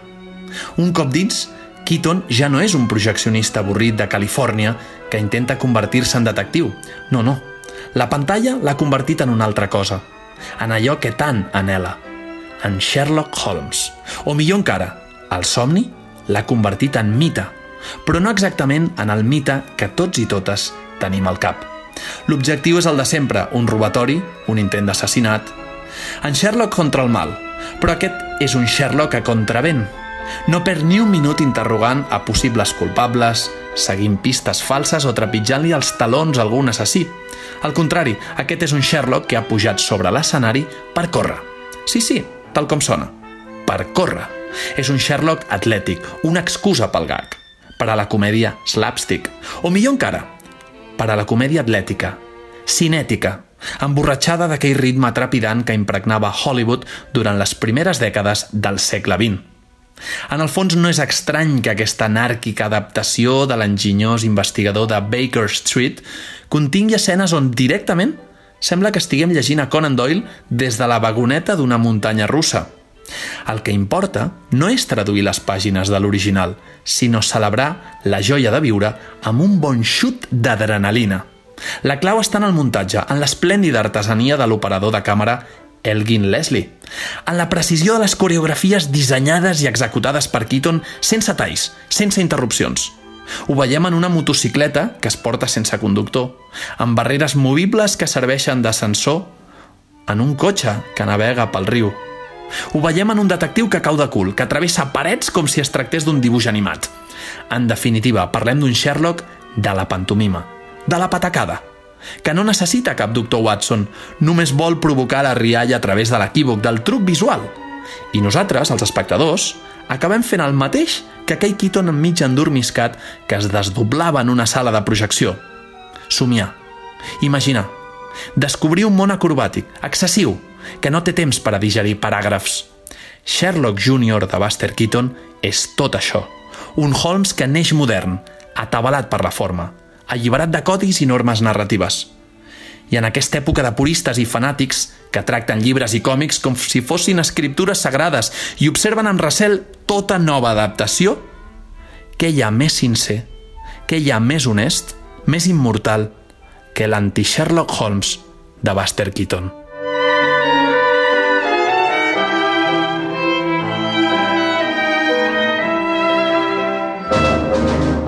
Aviam, jo tinc dos apunts a fer uh, al respecte del que portem i de lo de la i lo de l'Adrià Dalmau també, però des, de, des del Carles. Uh, primer, uh, Ferran, no- era Hot Shots, era uh, uh, Top Secret. Ah, sí, perdona, sí. Top Secret. Top Ah, bueno, Secret. Top Secret. sí, sí, paraules ojo mayores, aquí, eh? Ojo aquí. I segon, a veure, estic escoltant que el Carles està dient de que si el millor uh, Sherlock, a més aquest de l'slapstick i, de, i de la pantomima, és Buster Keaton, no, tots sabem que és Will Ferrell, Me no? madre. Estem parlant... ¿Esto qué es? Estem parlant de la pel·lícula... Mira, us explicaré. És- Estem parlant de no Holmes and Watson, una pel·lícula de fa Lamentable, res, de fa dos anys. lamentable. De fa dos anys. Uh, D'un Cohen, que no és de los hermanos Cohen, diria. o potser és el tercero en discordia. El adoptado. Si los Cohen han, han hecho esto, es que Han vamos. fet una pel·lícula paròdica, mira, us diré com ha anat Enola això. Holmes debe ser una Us obra diré, maestra comparada Querida audiència, eh, com que sempre expliquem interioritats, doncs explicarem. Eh, quan estàvem parlant de fer aquest programa, eh, jo realment aquesta se- setmana tenia molt poc temps per veure algo referent a Sherlock Holmes, perquè jo és un personatge que no domino del tot. Llavors vaig dir, doncs anem a Film Affinity, la nostra web de referència, està claríssim. Vaig anar a veure i vaig dir, temàtica Sherlock Holmes. I llavors hi ha la llista, els primers, doncs, òbviament, eh, de Fisher, de, De de, de, Billy Wilder, de no sé què, i vaig dir, hòstia, són pel·lículons, però clar, quina trio? I vaig dir, fem el que jo faria com a buen, no cinéfilo, sinó cinéfago, lo que se traga todo. I llavors vaig ordenar ascendente des del punt de vista de nota i vaig anar a la pitjor nota de totes. vaig anar a la pitjor nota i em vaig trobar amb aquesta gran pel·lícula Holmes and Watson que eh, tenia, mira, ho tinc aquí al davant, té un 3 amb 2, un 3 amb I 2. quina, I quina té la de... La de Y no es Madrid? sobre 5, eh, que la de- gente lo sepa. No, no, es sobre sobre 10, 10. es sobre I la, 10. Madrid, I la de Madrid Days. La, Està per allà, eh, crec que és el top 5 La, eh, del Garci. del Garci. El pique de En- malos Estava entre estas la del dos. Garci, però vaig dir... Mm, crec que m'ho passaré millor... Eh, Exacto, para que la peña lo entienda, hay una obra de Garci bastante reciente intentando adaptar, ¿no? Eh, Sherlock Sí, Holmes Madrid y Watson Days. a, a Madrid, ¿no? Perquè es veu, Madrid. vaig estar llegint crítiques quan havia decidit de dir què faig, cap a Will Ferrer o vaig cap a Garci? Hòstia, estic allà, allà, eh? perquè em sembla com una balança bastant equilibrada. I vaig, I vaig començar a llegir crítiques i vaig dir, hòstia, el Garci és aquella que li diuen la comèdia involuntària, o sigui, hi ha un punt Sí. de que li diuen uh, que és una pel·li com, però que Sí, la sí. veritat, eh, que és una cosa com Ja, molt obra magna. que Bueno, és fer. famosa per ser la pel·lícula de les subvencions, aquella pel·lícula que es va fer només pel tema de les subvencions, o això diuen les males llengües. Ah, pues mira. Sí, que él tuvo que pagar porque si no va, había un va, va comprar les número de- entrades, havia de, necessitava un número d'entrades a la gent que l'anés a veure, no hi anaven i ell va comprar les entrades de cinema per justificar de he llegado a los 2.000 mi- em- eh, espectadores mínimos para cobrar la subvención.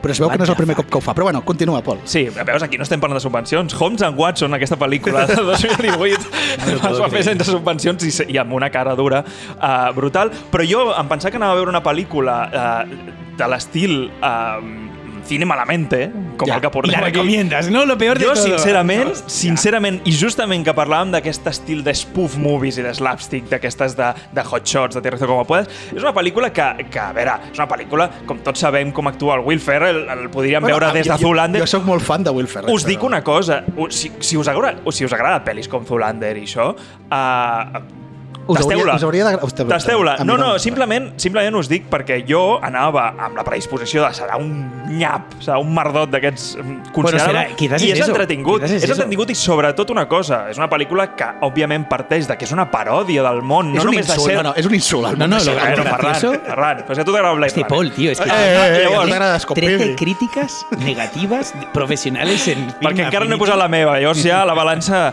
No, però sí que és Quatre veritat... Razzie. és una... eh, Sí, sí, sí, sí. Però sí que és veritat que hi ha molts, hi ha molts gags que s'aguanten molt bé i, i Ferran, tu que l'has vist, hi ha, un, hi ha un músic al final que a mi que, que La- vaig al·lucinar. la pantomima Vaig hi és, sí, vaig a- la pantomima La és. pantomima hi és. Vull dir, òbviament, és una comèdia que no us espereu veure. Bueno, us, us espereu veure de los Razzies, no de los Oscar, ¿Queréis òbviament. que os diga una cosa? O sea, yo cuando vi el cartel de esta peli pensaba que el Will Ferrell hacía de... O sea, como no me tomó para nada en serio este tío, digo, ya está, han hecho una peli donde él es Watson y Holmes a la vez. Y yo me estaba partiendo porque es que son Com muy parecidos. Sandler, ¿eh? no? Que, que aquell any que va fer Mi hermana i jo, Sí. que, ell, que era el mateix. Claro, es que el John Reilly, este aquí, lo veo que tiene un puntito Will Ferrell total. Però Todo y el que John mucho mejor Reilly actor, És ¿eh? un actoràs. Però sí, ojo, que també surt Hugh Laurie, que és el, el Dr. House, Que és- que, que és- fa, que que, és fa el Holmes. germà, fa el germà de Holmes, que, que Creu. són tan intel·ligents que quan es parlen es miren simplement als ulls i comencen a fer com telequinesis. És que és una paròdia- És una és que és una paròdia paròdia molt boja. la recomiendas de y no la Batman. recomiendas como cine malamente, la recomiendas como una buena adaptación Como joya- joya encubierta. És, és, un, és un híbrid, és un diamant en bruto. No, però és un híbrid, és, és aquell moment que tu diràs, hòstia puta, i altres moments que diràs, bueno, està bé per, per, per condensar els típics tòpics de Sherlock Holmes, i de veritat us ho dic, és una pel·lícula... La par... Sempre les bones paròdies el que fan és extreure els prototips, els estereotips i, I tot de les grans figures. Pues aquí us dic que, eh, si voleu saber en profunditat, malamente, coses de Conan Doyle, de Sherlock i això, No escuchéis pel·lícula. empanada, mirad Holmes and Watson. Ja veig que el Ferran traurà aquest, aquests 5 minuts. Sí, aquests minuts aniran fora. És Déu meu. Bueno, de hecho, me parece que ahora lo interesante sería ver si esa modernidad ha llegado no solo en forma de, De de parodia, sí. o de parodia, si esa modernidad de, de Holmes ha llegado al siglo XXI.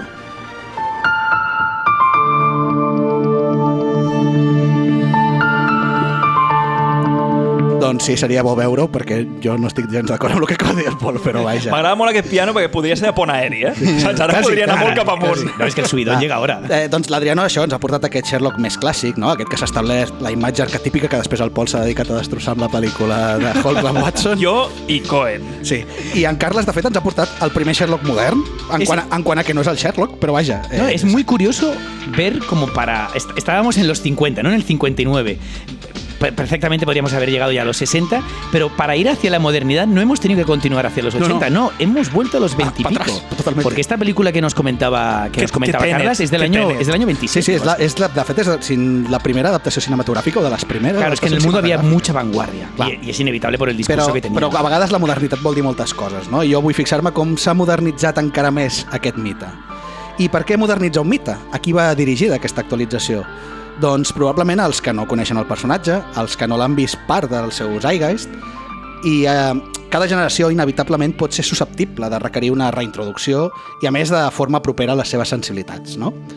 Sherlock i el seu arquetip mai han deixat de formar part de l'imaginari col·lectiu, és cert, però ha tingut èpoques on la seva figura ha tingut més o menys rellevància en el momentum popular.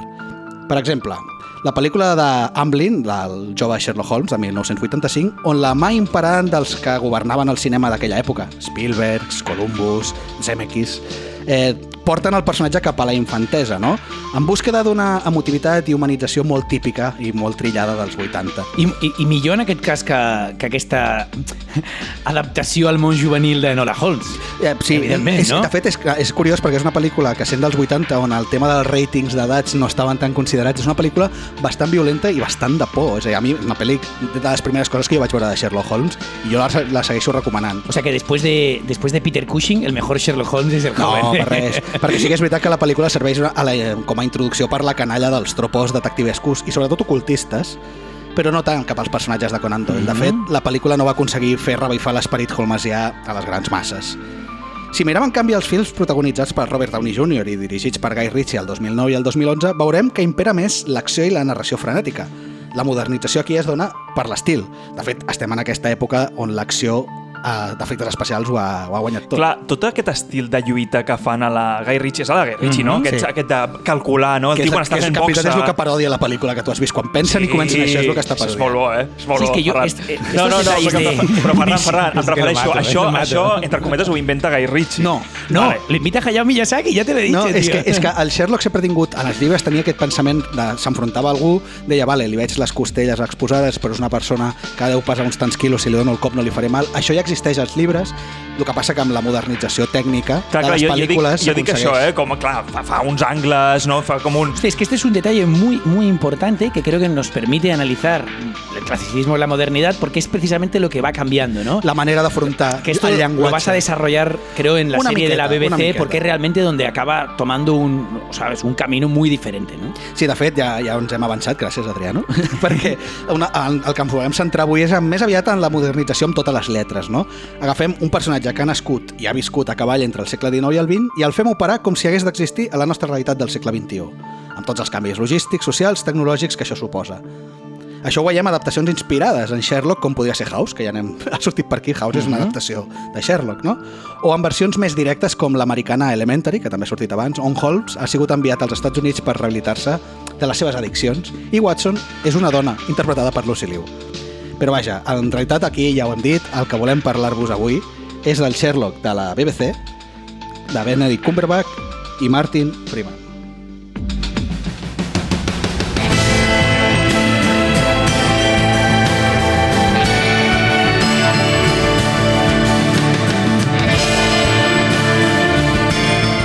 I és que aquesta sèrie estrenada el 2010 a la BBC, amb quatre temporades, amb 12 episodis més un especial, ha significat sens dubte el retorn del detectiu i el reenamorament de la gent amb el personatge.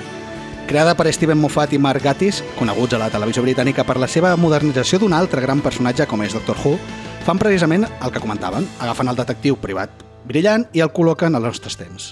De fet, Moffat i Gatiss estaven bastant farts de veure com la reverència mostrada cap al personatge clàssic amb les imposicions i limitacions de l'època victoriana feia que la gent s'alienés, no? que l'espectador se sentís alienat i a més forçaven a crear trames cada cop més paranormals. Això que deien de la Hammer, que cada cop s'enfrontava, això ja els hi molestava, perquè al final arriba un punt que és com más de listo va ser Ya, claro, Holmes? el chicle lo hemos què li, posa, tanto. què li poses davant, no? I això traia una miqueta l'esperit original de Conan Doyle, el que volia presentar un personatge modern i amb una visió empírica i saludable del món, fugint dels dogmes i tabús de cada època.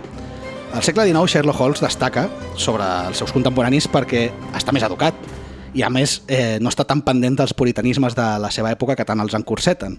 És capaç de trobar la solució racional als fets perquè als demés tot els hi sembla màgia i ell diu, no, no, aquí hi ha una explicació, no?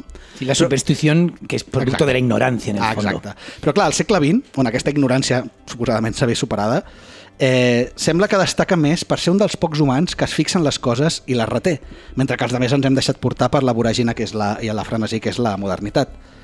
No és millor que els demés per fixar-se en el que els demés no saben, sinó per fixar-se en els que els demés ens hem deixat de fixar o de saber. Pot arribar a la solució perquè és capaç de fer connexions amb molta més facilitat que els demés. Això fa que Sherlock eh, segueixi sent aquesta persona aparentment excèntrica i, aviam, eh, sembla pertorbada, no? tampoc ens enganyem, no? El que passa que, a diferència del segle XIX, que es considerava que era el seu caràcter, simplement és, és que és així, no? ara té fins i tot un nom clínic en aquest segle XXI. I és que el Sherlock de Cumberbatch ratlla fins i tot l'Asperger. O com ell mateix diu, al corregir els que l'acusen de psicòpata, és realment un sociòpata altament funcional. Uh, I aquí ja veiem, eh? Que es- que es- viene a decir lo mismo. En el Sí, no, fondo, no, sí, exacte, totalment. És, el És que com, és com allò de dir re, lleu retras cognitiu per no dir ets un imbècil, saps? Claro, Sí. porque, bueno, un sociópata o un psicópata tanto da, pero lo, lo gracioso de la expresión es altamente funcional. Claro, es decir, porque- lo importante de la psicopatía no es ser un psicópata, es aparentar no serlo. Exacte, i ell ho és. I aquí, de fet, ja apareix una gran diferència entre el Sherlock clàssic i el Sherlock modern, que és la justificació i l'empatia del personatge. En el victorià no necessitàvem saber, no necessitàvem una justificació de per què és com és. S'entén que és el preu a pagar per tenir una ment tan privilegiada i activa que els seus exabruptes i impaciències responen a la necessitat d'estar al 100% mentalment, no? Així és en Sherlock, però... I per això el Sherlock fa el que fa, sembla que diguin la, la gent que l'envolta. I quan resol un cas, doncs, aplaudiments i reconeixement com un heroi.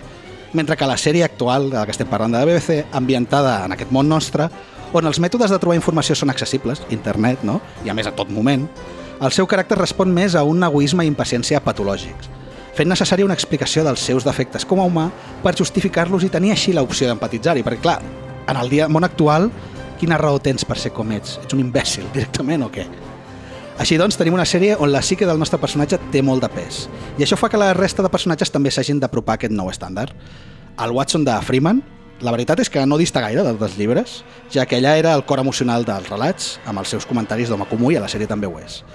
De fet, actualitzen els seus orígens a l'última guerra d'Afganistan, que ja és curiós, eh? Eso es muy potente, ¿eh? que, que, que, que, que Gran Bretanya sempre té una guerra amb Àsia. Llavors és, pot ser la, la primera guerra anglo-afgana, la segona o la del... Claro, porque en las novelas representa que él viene de la, de la guerra con Afganistán del 1880. Ujú. y, ¿no? y todo ese, y de hecho ese carácter así tan sensiblón o tan emocional está provocado un poco por Clar. los traumas que vivió en No serà al revés, que Anglaterra intenta fer guerra constant per a veure si surten noves coses Ah, de Sherlock. Exacto, hombre, por favor. Hay una tercera guerra con Afganistán. a la. Però el que, el que sens dubte es veu bastant alterat i almenys en la meva opinió personal molt millorat és el quasi excel·lent Moriarty interpretat per el sempre meravellós Andrew Scott. Us en recordeu d'ell, Claro, no? sí, claro, aquí tenemos al cura de Fleabag, Andrew Scott, al, al, al tío que, que quiere secrestar al, aparentemente de Facebook, ¿no? En aquel capítulo de Black Mirror. Sí. Sí. Bueno, estamos hablando de Sí, un sí, actorazo, sí. ¿no? Al llibre sabem que Moriarty no apareix tant. De fet, només apareix a un llibre com a tal, el de la, el problema final.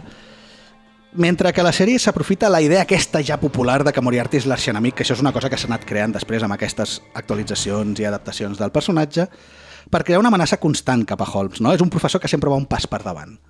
Considero que el Moriarty de la BBC, convertit en una mena d'assessor del crim professional, de la mateixa manera que Sherlock és un assessor de la llei, funciona de forma molt més creïble i més orgànica que les representacions anteriors.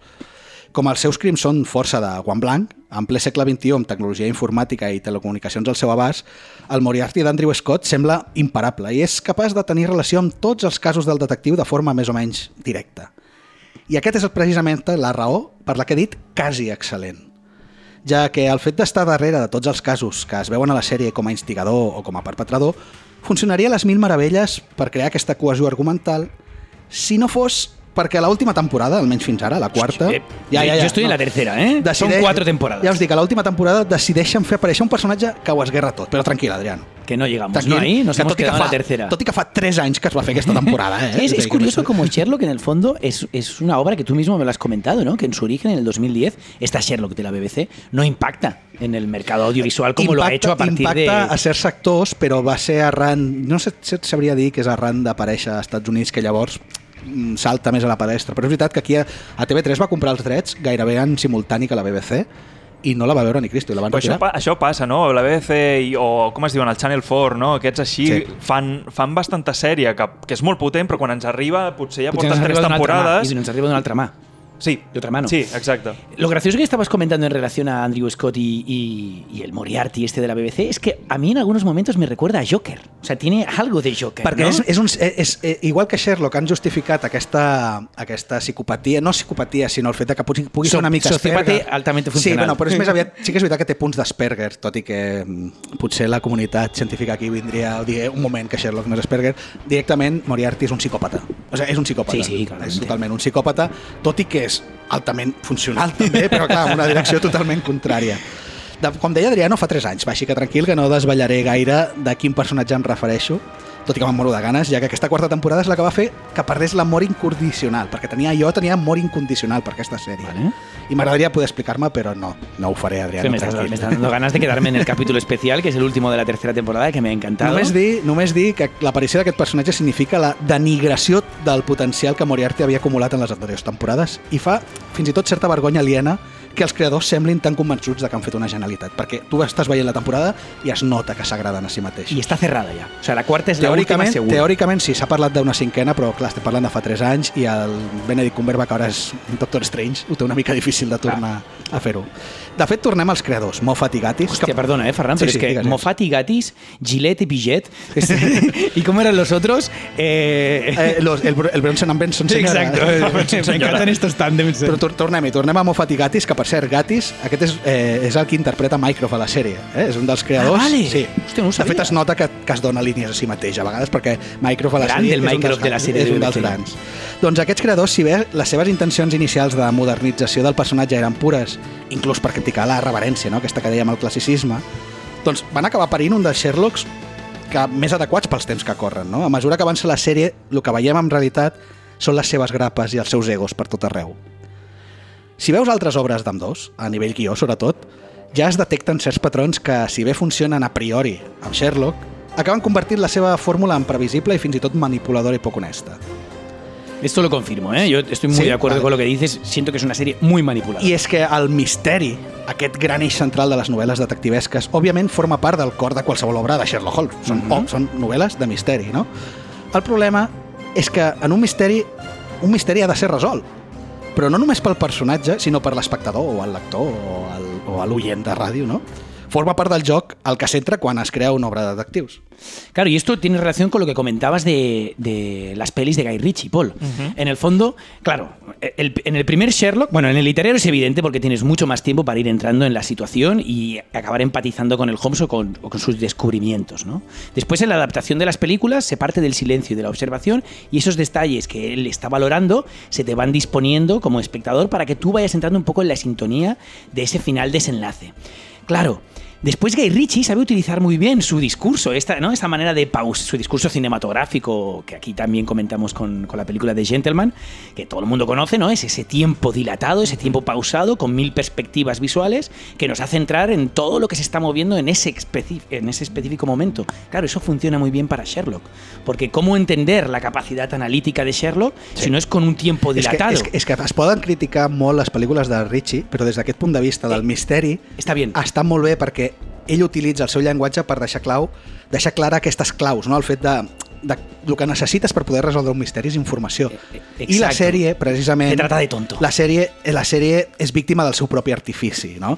on el muntatge o la omissió deliberada d'elements durant el devenir de l'episodi deixa l'espectador sense informació crucial per poder desxifrar l'enigma junt amb els personatges. Però, oh, resulta que en Sherlock més endavant sí que s'havia fixat no? en aquella carta al paraigüer del rebedor de la casa de la víctima on les inicials apuntaven directament al sospitós. Clar, però te lo- Quina llàstima que l'edició i la realització del director ens amagués aquest detall a Claro, y te, nosaltres. te lo cuentan ya que dices, ah, vale, ah, vale.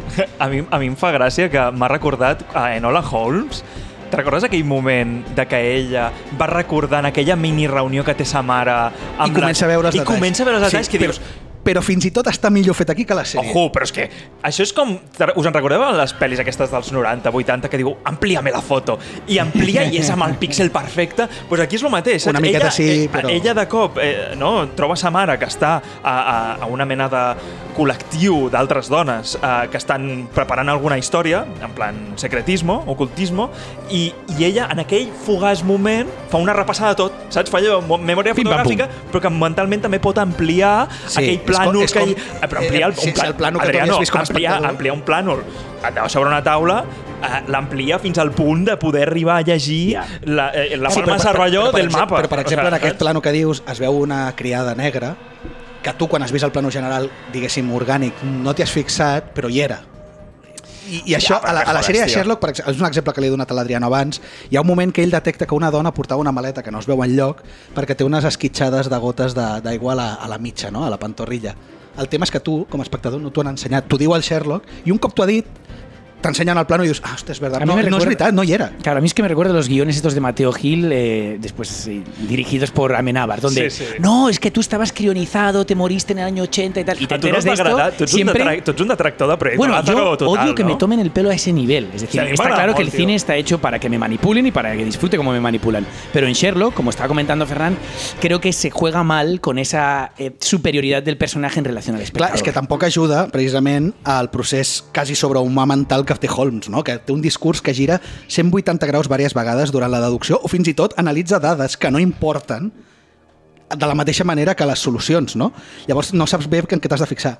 Clar que això també és veritat, que podria justificar-se dient que, que així és com et sents com el Watson al seu costat, en plan, uah, va tan ràpid, però clar, el problema és que quan analitzes l'episodi i dius, hòstia, l'episodi ha sigut més intel·ligent que jo, tu te n'adones de que sovint ha sigut gràcies a que t'han ocultat informació i que te l'han tirat a la cara tota l'hora, amb el que en realitat no és que tu siguis un inepte de pensament, no? I això jo crec que només podem fer culpables als seus creadors, Moffat i Gatis, que sempre utilitzen eh, aquesta fórmula en quasi totes les seves obres per disfressar de pàtina d'intel·ligència el que en realitat és un truc de màgia o un trilerisme narratiu. Això Eh? és el que criticau de Nolan, Exacto, no? muy, muy, es que es totalmente así. Et dic, acostumen a fer girs que prometen un gran payoff en futurs episodis, però que sovint acaben resolent off-screen o directament amb una broma lleugera, com, veure, per, exemple, com per exemple la mort i resurrecció de Sherlock es tracta com una broma. Ja. De fet, no donen ni el temps, perquè tu pensa que les novel·les Sherlock mor i van El passar, gran hiato, i van anys. passar 3 anys a la ficció, però a la realitat la gent va haver d'esperar 10 anys a saber què havia passat.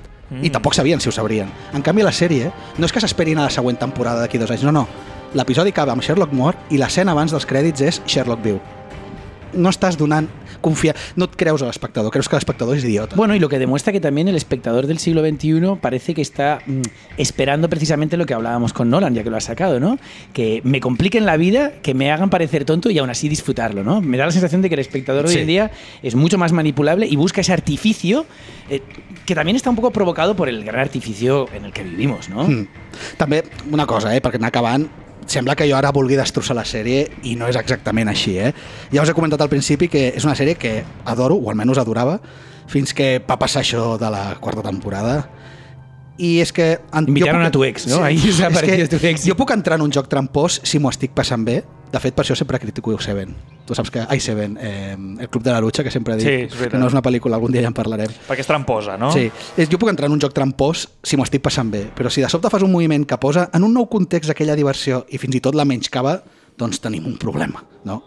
I és que hi ha molt a disfrutar realment a la sèrie de Sherlock, actors esplèndids, la veritat, diàlegs trepidants, frases molt, molt citables, d'aquí fins a l'eternitat, eh? És a dir, l'ambientació està molt bé, l'actualització és molt Sí, sublim. yo creo que esto es la, ¿Eh? la grandeza de esta serie es la actualización, utilizar- el saber llevar, por Exacto. ejemplo, cuestiones como lo que hablábamos del perro de los Baskerville, que lo hemos visto en el Ah, clasicismo, lo hemos visto en la Hammer, y hostia, y trasladarlo al siglo XXI y que funcione. No, els telèfons mòbils, com utilitza el que les novel·les eren cartes que tardaven dies en arribar, el, allà no, no poden fer això i són molt conscients de que han d'utilitzar la, la missatgeria instantània i crec que, de fet, no, no és la primera cosa que ho fa, però sí que que tothom identifica Sherlock com el punt de com representar un missatge de text en pantalla és per Sherlock. Bueno, mira, Ferran, a la pel·li de Will Ferrell hi ha un moment que es fan un, que es fan un selfie amb ¿Por qué una, amb, una ¿Por qué le doy màquina, amb una màquina fotogràfica aquestes antigues, amb un pal, i la reina d'Anglaterra li diu, bueno, ¿me mandaràs la foto? I diu, sí, no, no, en plan, sí, sí, en una semana te llega por carruaje. Es que lo fuerte es que eh, eh, la decisión de Paul ha sido, hay tantas buenas pelis que me voy a ver la peor y así de perquè, alguna sé, manera... perquè sé que no l'haureu vist.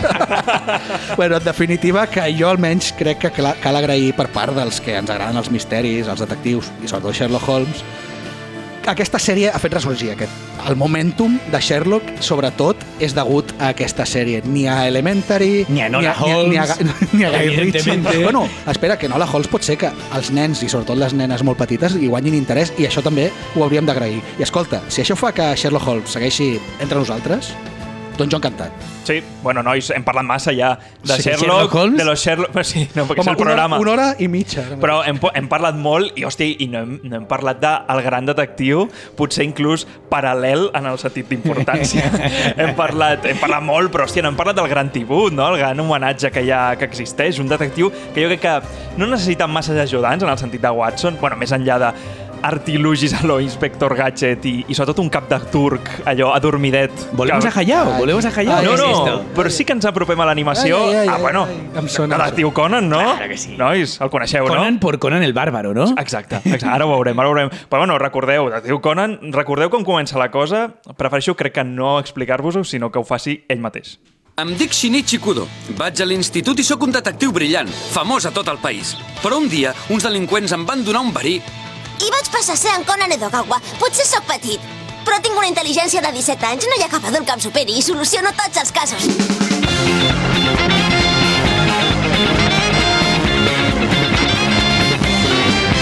Bueno, bueno, bueno, detectiu Conan, aquest que no té rival ni té àvia, eh? Com heu Ostres, pogut espera. escoltar. A, a mi m'agrada molt Detective Conan, però no recordava l'opelant, que és això de Clar. tinc 17 anys i ningú li Sí, sap sí, la sí, hòstia. I a més, quan fa el canvi de veu, és com en plan, sí, que jo no vés-te'n a volia. casa. El, co- perquè a més li fotien moltes collejas Sí, i dic que vés a dormir. merescudes. A veure, nois, ja sabem de què Sí, va, si no us sí. explicaré. Ja Conan, crec que No, tothom nosaltres, sap. a nosaltres evidentment no, però potser No, no, no, no, sí. perquè em refereixo, és aquella història d'aquell adolescent, ja ho ha dit, no? superdetectiu, que en un moment, de fet, el primer capítol, eh, estan al, al, al parc d'atraccions. Sí, Sí, la us he portat el, el primer còmic, si voleu mirar una mica. Adriano, que culturitza't. aquí No, no, una no, miqueta. Jo havia arribat a veure Detectiu Conan, però és el que li he comentat al Pol abans. No podia amb el personatge tan infantil, tot i, i ser molt llest i molt Sí, deductiu, hòstia, el seu to de veu ja... Clar, que- bueno, sí, sí, sí. Bueno, aquí ens va arribar en català, òbviament, no?, per TV3, però, però que mm, estem parlant d'aquella història, d'aquell detectiu juvenil, per dir-ho així, però que és un puto crac, que de cop pues, li donen una... Els homes de negre, no?, l'agafen, Mm. li donen una de mena de... de mm, bueno, Una pastilla era? O un, no, un crec, líquid? crec que li fan veure un líquid, sí. crec que era algo així, i que a partir d'aquí pues, es fa petit, no? Es fa petitó, petitó, i el, i el que passa és que...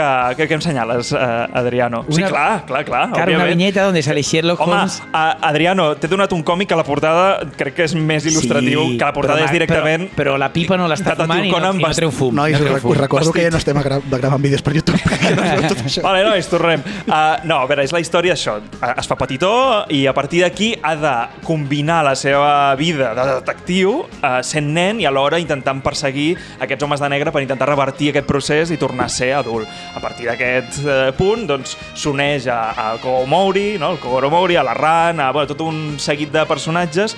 El Kogoro, que és aquest pare de la Ran, que és la seva millor amiga, diguéssim, quan era Bueno, era la, seva, era la seva parella, no?, de fet. Bueno, era una cosa... Estaven a punt. Est- Sí, Era no? allò, allò, Sí. sí. Sí, es que el tío eh, no tiene es- seis años. Representa que el Sí, cuerpo s'ha de s'ha- niño s'ha fet petit a 6 en anys. un cuerpo de seis años. O sea, Sí, tiene sí, el, sí. el intelecto de un niño de un adolescente de 17, pero realmente su imagen. Ens ¿no? m'agrada molt l'intel·lecte d'un de 17. Sí, que és com- Quan nosaltres estàvem als 17, érem uns merdes. Són normales. Bueno, nois, pues, què passa? Que llavors ha de fer totes aquestes compaginacions no, amb la seva vida. Llavors utilitza la figura d'aquest Kogoro Mouri, que és el que us deia, de que és aquest personatge a partir d'artilugis, com si Claro, recordareu, él- él- aquell, él es un aquell rellotge que, que dispara aquelles agulles Claro, que, porque él es un dormen. niño y no puede ir al- a, a la policía y decirle yo sé lo que ha pasado, señor Clar, agente". i ho ha de fer a través Que d'aquest esto, es, personatge. esto es muy propio de, de Sherlock Holmes, en el fondo. Aquí no lo hemos comentado. exacto. Pero claro, Ah, en- en el- en- sobre todo en las novelas y en los primeros, en las primeras muestras cinematográficas, Holmes aún no tiene ese liderazgo y, Sí. y ese ego de, por ejemplo, de, de la serie de BBC. Sí, y claro, eh, aún depende de la, de las fuerzas del orden. Clar. De a Scotland Yard. tam- també us diré una cosa, eh? Aquí segueix... L'ego està, perquè ja hem escoltat no. que diu Conan, ego Tinc l'intel·lecte i ni cap home- i cap- Però és que també té una gran frase que sempre diu que és potser hi ha molts punts de vista del cas, però només hi ha una veritat. Això no ho diu, però, però la tinc jo. Saps? Això és, és el que li falta de coletilla, perquè realment entonces és, és el gran pirata, però és el gran tributo, perquè ara ho veurem. Però també és veritat de que inclús és molt empanada tot plegat, el detectiu Conan. Hòstia, uh, des del 94, còmics, sèrie d'animació en català, uh, pel·lis també doblades en català, que ja ara parlarem, videojocs que crec que no estan doblats en català. No, però Això vol dir que ha agradat moltíssim M'has aquí. dit abans que encara continuen tant els còmics com la sèrie sí, sí, d'animació, sí, van, no? van per la 24a uh, temporada. Això és Monster 2, un no? mogollon, un mogollon. I, I hi ha de tot, o sigui, ja us dic, eh, una gran panada, inclús podríem fer un especial, de... que no farem, no patiu. però bueno, sí, ja, és un detectiu i em direu, bueno, hòstia, uh, però no només el portem aquí perquè és un detectiu com Sherlock, no? Nois, us hem fet una pregunta. No, no, no, ara, eh, és, Jo- és, jo és que és, tengo- és, és que si no haguessin portat la Fletcher... A eh? És que nois- claro que si se llama Conan. És que, nois, d'on ve? D'on ve detectiu Conan? Com et dius? Em dic Shin. Vull dir que... Què? Bé, em dic... Uh... Conan! Em dic Conan Edogawa. Conan? Quin nom tan estrany! És que el meu pare era un fan d'en Conan Doyle. Ah, aquí és on entreu amb... Ah, amigo! Porque, Aquí entra. pero a la exacte. vez, pero por otro lado. I aquesta és la raó per la que el Pol No, no, portat Conan. exacte. Jo sempre amb pinces. No, porque está claro que, que- que la estructura, ahora lo explicarás, ¿no? Pero la Sí, sí. estructura ¿no? de, de detectivesca que tiene esta serie de animación es claramente Sí, sí, fruto, ¿no? O A parte és de que- la a obra original és- de és- Conan Doyle. És molt graciós aquest moment, perquè aquest moment és, és el primer capítol, no, crec que és el segon capítol, que és quan, quan es troba ja de nen, entra al despatx de, del Kogoro, és a dir, de, i de la Ran, que és aquesta amiga nòvia que té, i és quan la, el pilla, no? El pilla i li diu, hòstia, qui ets tu? I, i llavors, és allò, se- sabeu allò típic de, dels, dels dibuixos així, que miren a un cantó Sí, no, no, i, el primer que llegeixen ho agafa. sempre me'n recordo de- habituales. saps? Sempre Sí. me'n recordo de Padre Família, que el Peter Sí, Griffin pi, i diu tier, soy pi, tier i un grifo. I un grifo. Pero Bueno, una és pregunta, Paul, porque claro, por otro lado, es decir, hostia, qué, qué nombre tan raro, Conan, ah, vale, que viene de Conan Doyle, pero por otro lado, en las series de animaciones japonesas tenemos varios Conan. O sea, bueno, está el, el Conan de, de Hayao. Sí, no, Hayao- els japonesos tenen una fixació amb el personatge Per què? de... de, Per què aquest nom, perquè, Conan? No, no Conan, primer perquè estan obsessionats amb, amb, amb Sherlock Holmes. És a dir, el, el personatge del detectiu els encanta. Però els encanta. Sí, De fet, sí. Edogawa, d'on d'on ve la paraula Però Edogawa? clar, Conan, el niño del escolta, futuro. Ogawa, Escolta hi ha, això, escolta hi ha això, una altra història, que és qui és aquest Ogawa? O sigui, aquest uh, Conan... Edogawa, no, no? Ogawa no, això és Kimio. Edogawa, eh? Edogawa, he dit, he dit Edogawa. Bueno, és igual. He dit Edogawa. Uh, hi ha un altre tribut exactament en el seu nom, que és Rampo Edogawa, que qui és? És el creador de Kogoro Akechi, que és un detectiu fictici japonès que a més que és el mateix nom que rep, aquí ja comencem amb les curiositats del detectiu Conan i tots aquests grans tributs, no? que és el, el personatge, aquest, aquesta mena d'investigador que ell fa servir com per donar veu a les seves deduccions, que és, un, és el típic detectiu, que és un desastre, però que es diu Kogoro Mouri. Llavors ja és un doble joc entre Edogawa, entre Kogoro, o sigui, ja aquí comencem. I Està Bueno, ple... porque al final tenemos la realidad occidental y la realidad nipona, Sí, ¿no? sí, però que l'obsessió que tenen pel món detectivesc i Sherlock Holmes, per tant, amb Conan Doyle és molt alta, això és cert, totalment. I, I si us porto Detectiu Conan és perquè realment està plegat, és un fanfiction, per dir-ho així, no? És un, està plegat, plegadíssim de curiositats en, en respecte... O sigui, a la que investigues uh, una mica de curiositats de, de Detectiu Conan surt de tot el respecte de Conan Doyle i de, i de Sherlock. Per exemple, bueno, ja sense anar més lluny, la portada del primer còmic que us he portat és sí. literalment... Es un niño de 6 años fumando pipa. o sea, Fumando pipa, exacte, com hauria de ser. És muy japonès. Sí. No, però alhora, per exemple, quan tanca la, cada capítol de la sèrie d'animació, surten els, els xavals al final de tot, tots posats, que és allò de la lliga dels Ah, eh, sí. detectius, surten tots vestits de, de, De- de, de- del de- detectiu Conan aquest que comentàvem, de, amb la gorra De cazador, de no? cazador i Amb el tot. Deerstalker, sí. No, està, està ple. Però és que a més, per exemple, els personatges viuen, els personatges de la sèrie viuen a Baker, que sabeu què és això? La pronunciació japonesa de Baker Street. Baker. Street. Clar, és que està ple, està ple, ple. I després, a- aquest comentari que deies tu de, de que el Conan parla a partir del Kogoro com aquest personatge que també tenen, no? I bueno, que lo que comentaba antes, que no lo he acabado, es que Sherlock, de alguna manera, en sus primeros ejemplos cinematográficos, aún depende mucho del, de- de- del estrade, ¿no? El, Sí, el- el oficial de Scotland Yard. Entonces, muchas veces él provoca con, con sus comentarios que no sea Sí. él quien descubre los casos, sino que sea Va el guiando, propio va Lestrade, guiando al ¿no? estrade perquè dé la solució a la que ell ha llegado, que és el que fa el Conan. Exacte. I després, un altre personatge, que és la mare de, de Conan, o sigui, de Yukiko Kudo, doncs està dibuixada i animada, en la, en, tant al còmic com en l'animació, prenent de base a la que és la idea d'Irene Adler. La mujer. Exacte. Llavors, és, a més, és la, aquesta no, actriu que surt sempre en Sí, els... perquè a més la Irene Adler dels llibres originals era actriu, cantant d'òpera.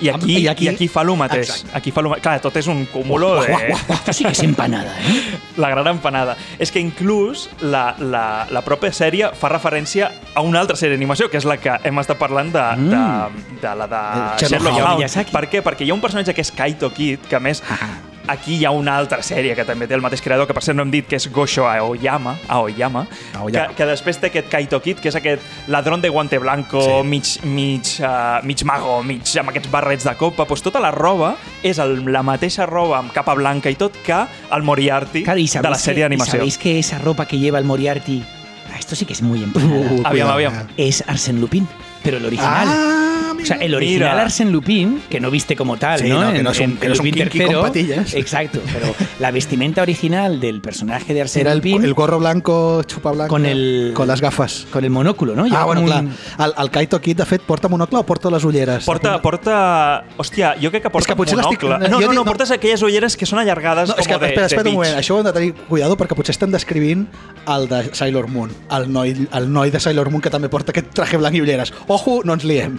Però no, no, no, no, no, el, el- con el No, no, no. de copa. Sí. No, no, no, eh, tens raó, és, és un... Monocle. És un monocle. Però si és que el de les ulleres així Ara és Sailor. Moon. Vale, vale, menos mal. Més empanada.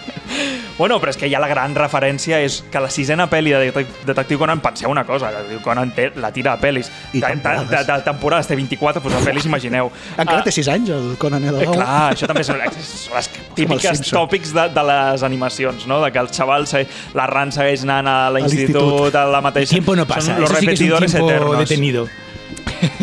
Però sí que és veritat de que hi ha una grandíssima referència en aquesta pel·lícula, la sisena pel·lícula, que es diu El fantasma de, Bas, de, de Baker Street, anava a dir Baskerville. Hòstia. De Baker Street. És una pel·lícula de veritat. Jo no l'havia vist fins ara per preparar el programa flipant. O sigui, a més, combina una cosa que és molt empanada, que és ells van a provar, a testejar un, en un gran esdeveniment, van a testejar un videojoc en realitat virtual per transportar-te a diferents èpoques i una d'aquestes èpoques És Baker Street, és és Baker segle Street, és l'època per resoldre qui és Jack l'Esbodallador. O sigui, Això, Jack, però el, el, el destripador. destripador. Però això arriba bastant, o sigui, bastant tard, no? Vull dir que en el fons m'estàs dient que és una sèrie que comença el 94 Sí, però és la pel·lícula. i La, aquesta pel·li que la és? pel·lícula ara mateix, mira, t'ho busco de quan era, però, però realment... El que vol dir és que no han tingut necessitat De tirar de tota la material. seva trajectòria, de tirar dels orígens, està Home, ple de detalls. S'ha de dir que Conan no és només... Òbviament, l'eix central és Sherlock, però és que uh, la, em sembla que gairebé tots els episodis, almenys de la sèrie, comencen que ells van a fer una cosa mundana, en plan, anem al parc d'atraccions, anem al, Sí, al, sempre- al supermercat, i sempre I crit que lia. això és la fletxa. Això és la, la Això és és, la la senyora gran que està allà simplement mirant Vagis les obres vagis, i sempre algú passa cau de l'obra i cosa. es de, fet, de fet, això és el que li diu al, al, a l'altre inspector, sempre li està dient al, al Kogoro i a la Ran, diu, no sé com és, però sempre que hi ha un Sí. crim vosaltres esteu a, a prop, eh?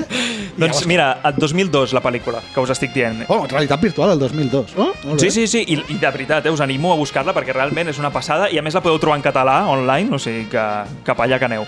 I després no, Cap allà podem, que aneu. no, no podem deixar un altre refa gran referent de banda, que és la cafeteria, i ja no estem parlant de Sherlock, eh? Ah, no estem no me'n parlant de Conan recordava. Doyle. La cafeteria al davant del despatx on estan ells sempre investigant, del Kogoro Mouri, es diu Hércules Poirot. Hòstia! Que és... Hercule Poirot! Hercule, Hercule Ah, Poirot. estem Que, parlant per cert, ja perdona, otros grandes com Agatha Christie. S'estrenarà una, una Orient Express aviat, Kenneth Branagh. Déu-n'hi-do, tio. Quantes portem en ja aquí- d'Orient No, és que jo Express? diria que Kenneth Branagh ja n'ha fet una. O sigui, imagina't.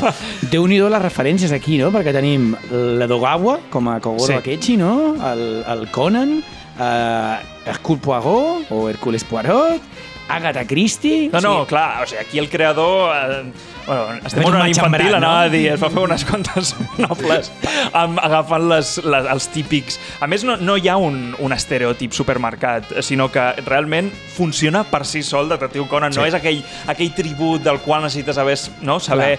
Sí que és veritat que la pel·lícula de Baker Street està ple de referències. De fet, hi ha un moment que arriben a, a Baker Street pròpiament per anar a buscar Sherlock, perquè els ajudi, i no hi és. No hi és perquè és un, no sé si era un 30 de setembre, no sé què, i el, i el propi Conan diu hòstia, jo que sóc un expert i que m'encanta i que he llegit molt de Sherlock, diu, clar, aquell, aquell dia estaven resolent el perro de bàsquet. vale. és, una, és una anada d'olla, de veritat. Eh, Si no, sou, bueno, si és, sou és, un fa, fans... és un fab fiction. Sí, si el- sou fans però de clavat. Sherlock i no, inclús no heu vist mai Detectiu Conan, aneu directament a la pel·lícula perquè és és No, aquesta l'hòstia. la veuré. És Passa que no, encara no tinc clar si és més bona, aquesta o la de Will Ferrell. Quina em recomana? Jo faria un tàndem, jo faria una, una sessió... Una... Muerte por Kiki, saps? Però mira, ja que acabàvem parlant d'Agatha Christie, jo sí que és veritat de que és una sèrie que la detectiu Conan que està dirigida a un públic juvenil, no, allò, no infantil, però juvenil, però, hòstia, si l'heu vist aquí, és una sèrie, inclús el còmic, jo recordo el còmic, és, és bastant adult, en el sentit de, no només temàticament, sinó que la, la violència... Sí que és veritat de que aquí ens arribava uh, la, versió la patata censurada. d'animació, aquesta, sí, com pa- podia passar en bola Sí, de drac. és, eh, aquí, ara, les morts de Conan... Havia censura. No, és que, a veure, com al Japó ja ho hem parlat a diversos programes empanada, la mort i la violència forma part de l'infant. Sí. I inclús el sexe. Però és veritat que de Conan, la sèrie, jo com més recordo jo, són aquells ulls parats dels morts. Sempre, quan, sí. quan es veia el cadàver, era claríssimament un cadàver. I No, clar, o sigui, els cadàvers podien estar tacats de sang, però al moment de la mort, és a dir, per exemple, el primer capítol, tu el recordaràs, potser, Ferran, que és el moment aquest de la... De, abans, abans de que sigui ja ell un, un, un infant, diguéssim, eh? però que és estan a, una, a un parc d'atraccions i li lliguen la corda quan estan dins Vale, sí. del, del vagó de com una muntanya russa, li lliguen al cap en un túnel a, a un dels tios, li lliguen com una mena de, com es diu, com un an, ancle de, de saps, De vaixell. tipus de vaixell, Sí. i li arrenquen el cap amb la, amb la, amb la velocitat del vagó. I es veu no? en silueta, I no? es veu un raig de sang, en- ai, un raig de llum en comptes de sang. I llavors veus un... un El tot- snap. Sí, no? Com, com si sortís a lo Tarantino, no? Tot un, Eh, tot un i cúmul fetge, de sang i doncs surt llum. I, I veient aquesta pel·li de Baker Street, hi ha un moment que és la punyalada, que és el senyor que mor, quan li treuen el ganivet, el, el ganivet es, eh, emet llum en comptes de sang, no? Però això, és, això és censura o això és així ja originalment? Clar, aquí, bueno, vulguis o no, és censura, No, ja, ja, però vingui d'on vingui, sí, sí, no? sí, no, clar, però... Però bueno, és una cosa, és un tret d'aquests. Autocensura o censura No, que, decisió artística o censura? Claro. Però sí que és veritat que ja us dic, eh? és un tema... Uh, Detectiu Conan eh, el gaudeix allò, tant joves com adults, però, però inclús mireu si és... Uh, si és adult, que jo recordo, no sé si era l'any passat o l'altre, que van estrenar, com a mínim, l'última pel·li que havien tret, cada, any així sembla, cada any em sembla que en troben Doncs, una. doncs la de l'any passat, que era uh, absolutament política. És una, era una pel·li d'un assassinat, com sempre, però que era tot en base a la política uh, de Japó, de, de, i, i com aquella de Shin Godzilla, que la pel·lícula Sí, és sí, tot sí. política japonesa. I llavors, aquell, jo recordo estar a la sessió, a la sessió matinal d'un diumenge veient aquesta pel·lícula al cine, doblada en català, i, i veies tots els nens allà Jo, No jo ja, res. abans de començar la pel·lícula pensava, és que clar, portar nens molt petits, a veure, diu Conan, ojo, però és que la pel·lícula era totalment política i tots els nens els veies amb una cara de, eh, no sé que entenem res. Bueno, claro, es que aquí... On està el meu Conan que xuta ¿Dónde pilotes superexplosives? ¿En los i- 17 o en los 6? ¿No? Porque claro, se representa que el que intelecto de uno de 17, aquest és el pero la tema que imagen de també passa, 6. és el que et deia de Nola, no? que les brometes i l'slapstick funciona, perquè això ho has dit ara, que no me'n recordava, el Conan té allò de que xuta superfort, no? Sí, sí, té tot de gadgets, o sigui, el Sí. rotllo Inspector Gadget té molts gadgets, un és el de dormir a, Que su arma no és una pistola, és xutar una pelota sí, de futbol agafen- muy fuerte. Poden ser qualsevol cosa, inclús, jo què sé, imagineu si hi ha un cap tallat, doncs potser el xutarà també. No, el deixeu-lo anar, el, el de Déu Conan. I, I res, bueno, que jo és una sèrie que, sincerament, una sèrie, uns còmics, un, inclús uns videojocs que recomano totalment, que, que sempre va bé recuperar i a sobre que els tenim doblats en català, que, Bueno, y que que veo que siguen, ¿eh? ahora en el 2020 van a presentar otra... No sé si la que estabas comentando tú, justo la anterior, que tenía este carácter política, era la de del 2019, pero sí que es cierto Ah, que... sí, sí, no es va, es va estrenar fa relativament poc, no? Una nova, Sí, sí, sí, No? De hecho, La- ahora tienes la ah. de Scarlet Bullet, que es la del 2020. Claro que no és sé que si cada, la any, que cada, cada any treuen una pel·lícula. Així que la recomanes, jo també la recomano. Home, Jo també totalment. la Però és recomano. que és Perquè la teva, infància, la teva infància és Sherlock Holmes, Exacto, però la és- infància és de gent callao, més, és més de l'edat del Pol és Conan, No, no, saps? y, y hay que darle a todo. Y como lo he dicho, cada Sherlock en su sitio. Doncs aquí hem arribat.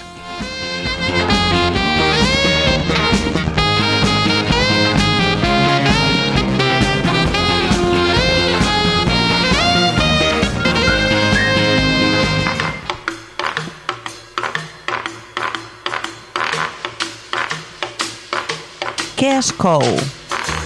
Benvinguts al programa més llarg d'Empanada Cultural. Como me gusta.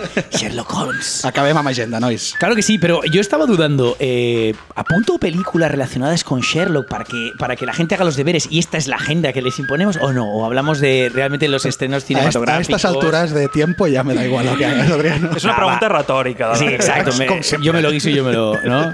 yo me lo como. No, realmente vamos a hablar de los estrenos que, que están ya en cartel, porque por ejemplo hay, está esta película que mm, tiene que esta creo que tiene que llegar en una semana, que es la de Rifkin's Festival, una A Woody película Allen, de ¿no? Woody Allen un poquitillo floja. Después tenemos la ópera prima de Viggo Mortensen, Falling, y oye, esto sí que me ha sorprendido. Abel Ferrara ha llegado también con un estreno. No sé si sabéis de qué No, os hablo. no, no. Jo vaig escoltar que no, no ben bé la sinopsi, però que treia una pel·li, clar, jo Abel Ferrara, que, la tinc al cap, que el tinc al cap com a aquella pel·lícula de les violacions, era la de Miss... Este tío es un Ah, grande, siempre italiano, cine indie, ¿no? Tiene, tiene un- la del entierro, que para mí es una maravilla. Pero realmente ahora viene con una peli que se llama Tomaso, que narra la historia de un artista estadounidense que interpreta a Willem Dafoe, que en este caso está viviendo en Europa. Y bueno, a partir de ahí ya os podéis imaginar el mundo complejo de, de Abel Ferrara. La han dejado bastante bien, la han dejado bastante bien. No sé si la setmana passada ja vam dir que s'ha estrenat La mort de Guillem, la pel·lícula aquesta de Carlos Márquez Marcet, que va ser el dia 25. Esta está en cartel ahora mismo, que la exacte, podéis ir a ver en los exacte. cines. I és una pel·lícula Que té bona pinta. Que té Sí. molt bona pinta. Doncs a nivell de sèries, eh, el més important jo crec que hem de destacar és que aquest diumenge, aquest 27, s'estrenen els dos primers episodis de 8, que seran en total, de Pàtria, a HBO, eh, de Laitor Gabilondo, que adapta aquesta novel·la de Fernando Aramburu, eh, i que va debutar a on, Adriano? A San Sebastián. Ah, hostia, es verdad. Ara Pasaron los més- dos primeros ara- ara capítulos, es fa molt curiosamente, més, sí, sí. ¿no? No, no, com, no com amb el Binding Rem, no? que, Que puso el tercero y el que cuarto. El, no, el, home, Sí, O no, no, fue el tercero y eh? el cuarto. sí. I una cosa que a mi m'ha pillat per sorpresa perquè mira que m'agrada, eh? Que torna Fargo, tio. La Sí? quarta temporada de Fargo a Movistar, que protagonitzada per Chris Rock.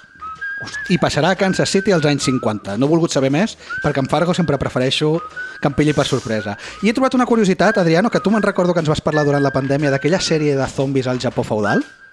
Kingdom. Es deia? Sí, sí, Kingdom exacte, era, no? exacte. Doncs ara n'estrenen una que no és exactament de zombis, passa durant la Revolució Francesa, on hi ha una mena d'infecció que fa que els rics comencin a matar els pobres i els pobres als rics, vale? I Com es diu això? La Revolució. Oh, prenc a nota, Netflix. El dia 1 d'octubre, igual que Fargo, que no ho he dit abans, eh? Fargo a Movistar el dia 1 d'octubre i la Revolució a, 1 A Netflix, d'octubre Netflix. també. Ai, l'1 d'octubre.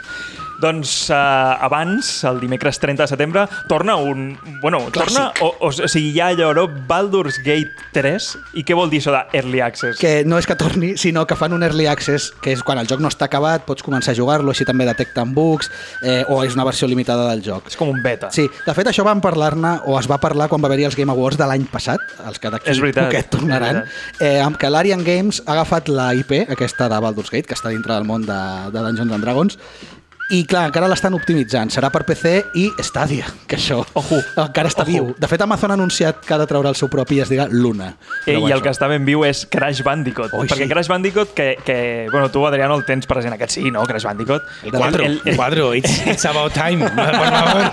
No, no, que si tens present la saga, Crash Puta Bandicoot. idea, ese, ese, No, tio, de Play 1. El Sherlock. Sherlock, sí. Sherlock. Sherlock, Sherlock, Sherlock, Sherlock. Després, després t'ensenyarem i segur que sí. Ja et portaré tots els jocs de divendres, Sherlock. divendres 2 d'octubre, en Crash Bandicoot 4 per PlayStation 4, Xbox One, i jo crec que aquí pot ser... A més, venint d'aquesta Insane Trilogy, no?, que van, que No, van no, fer. és que van, han penjat ja, perquè els hi han donat demos review als youtubers i té molt bona pinta. Les mecàniques poques que han, han afegit han sigut llestos i, i la veritat és que té molt bona pinta. I hem arribat...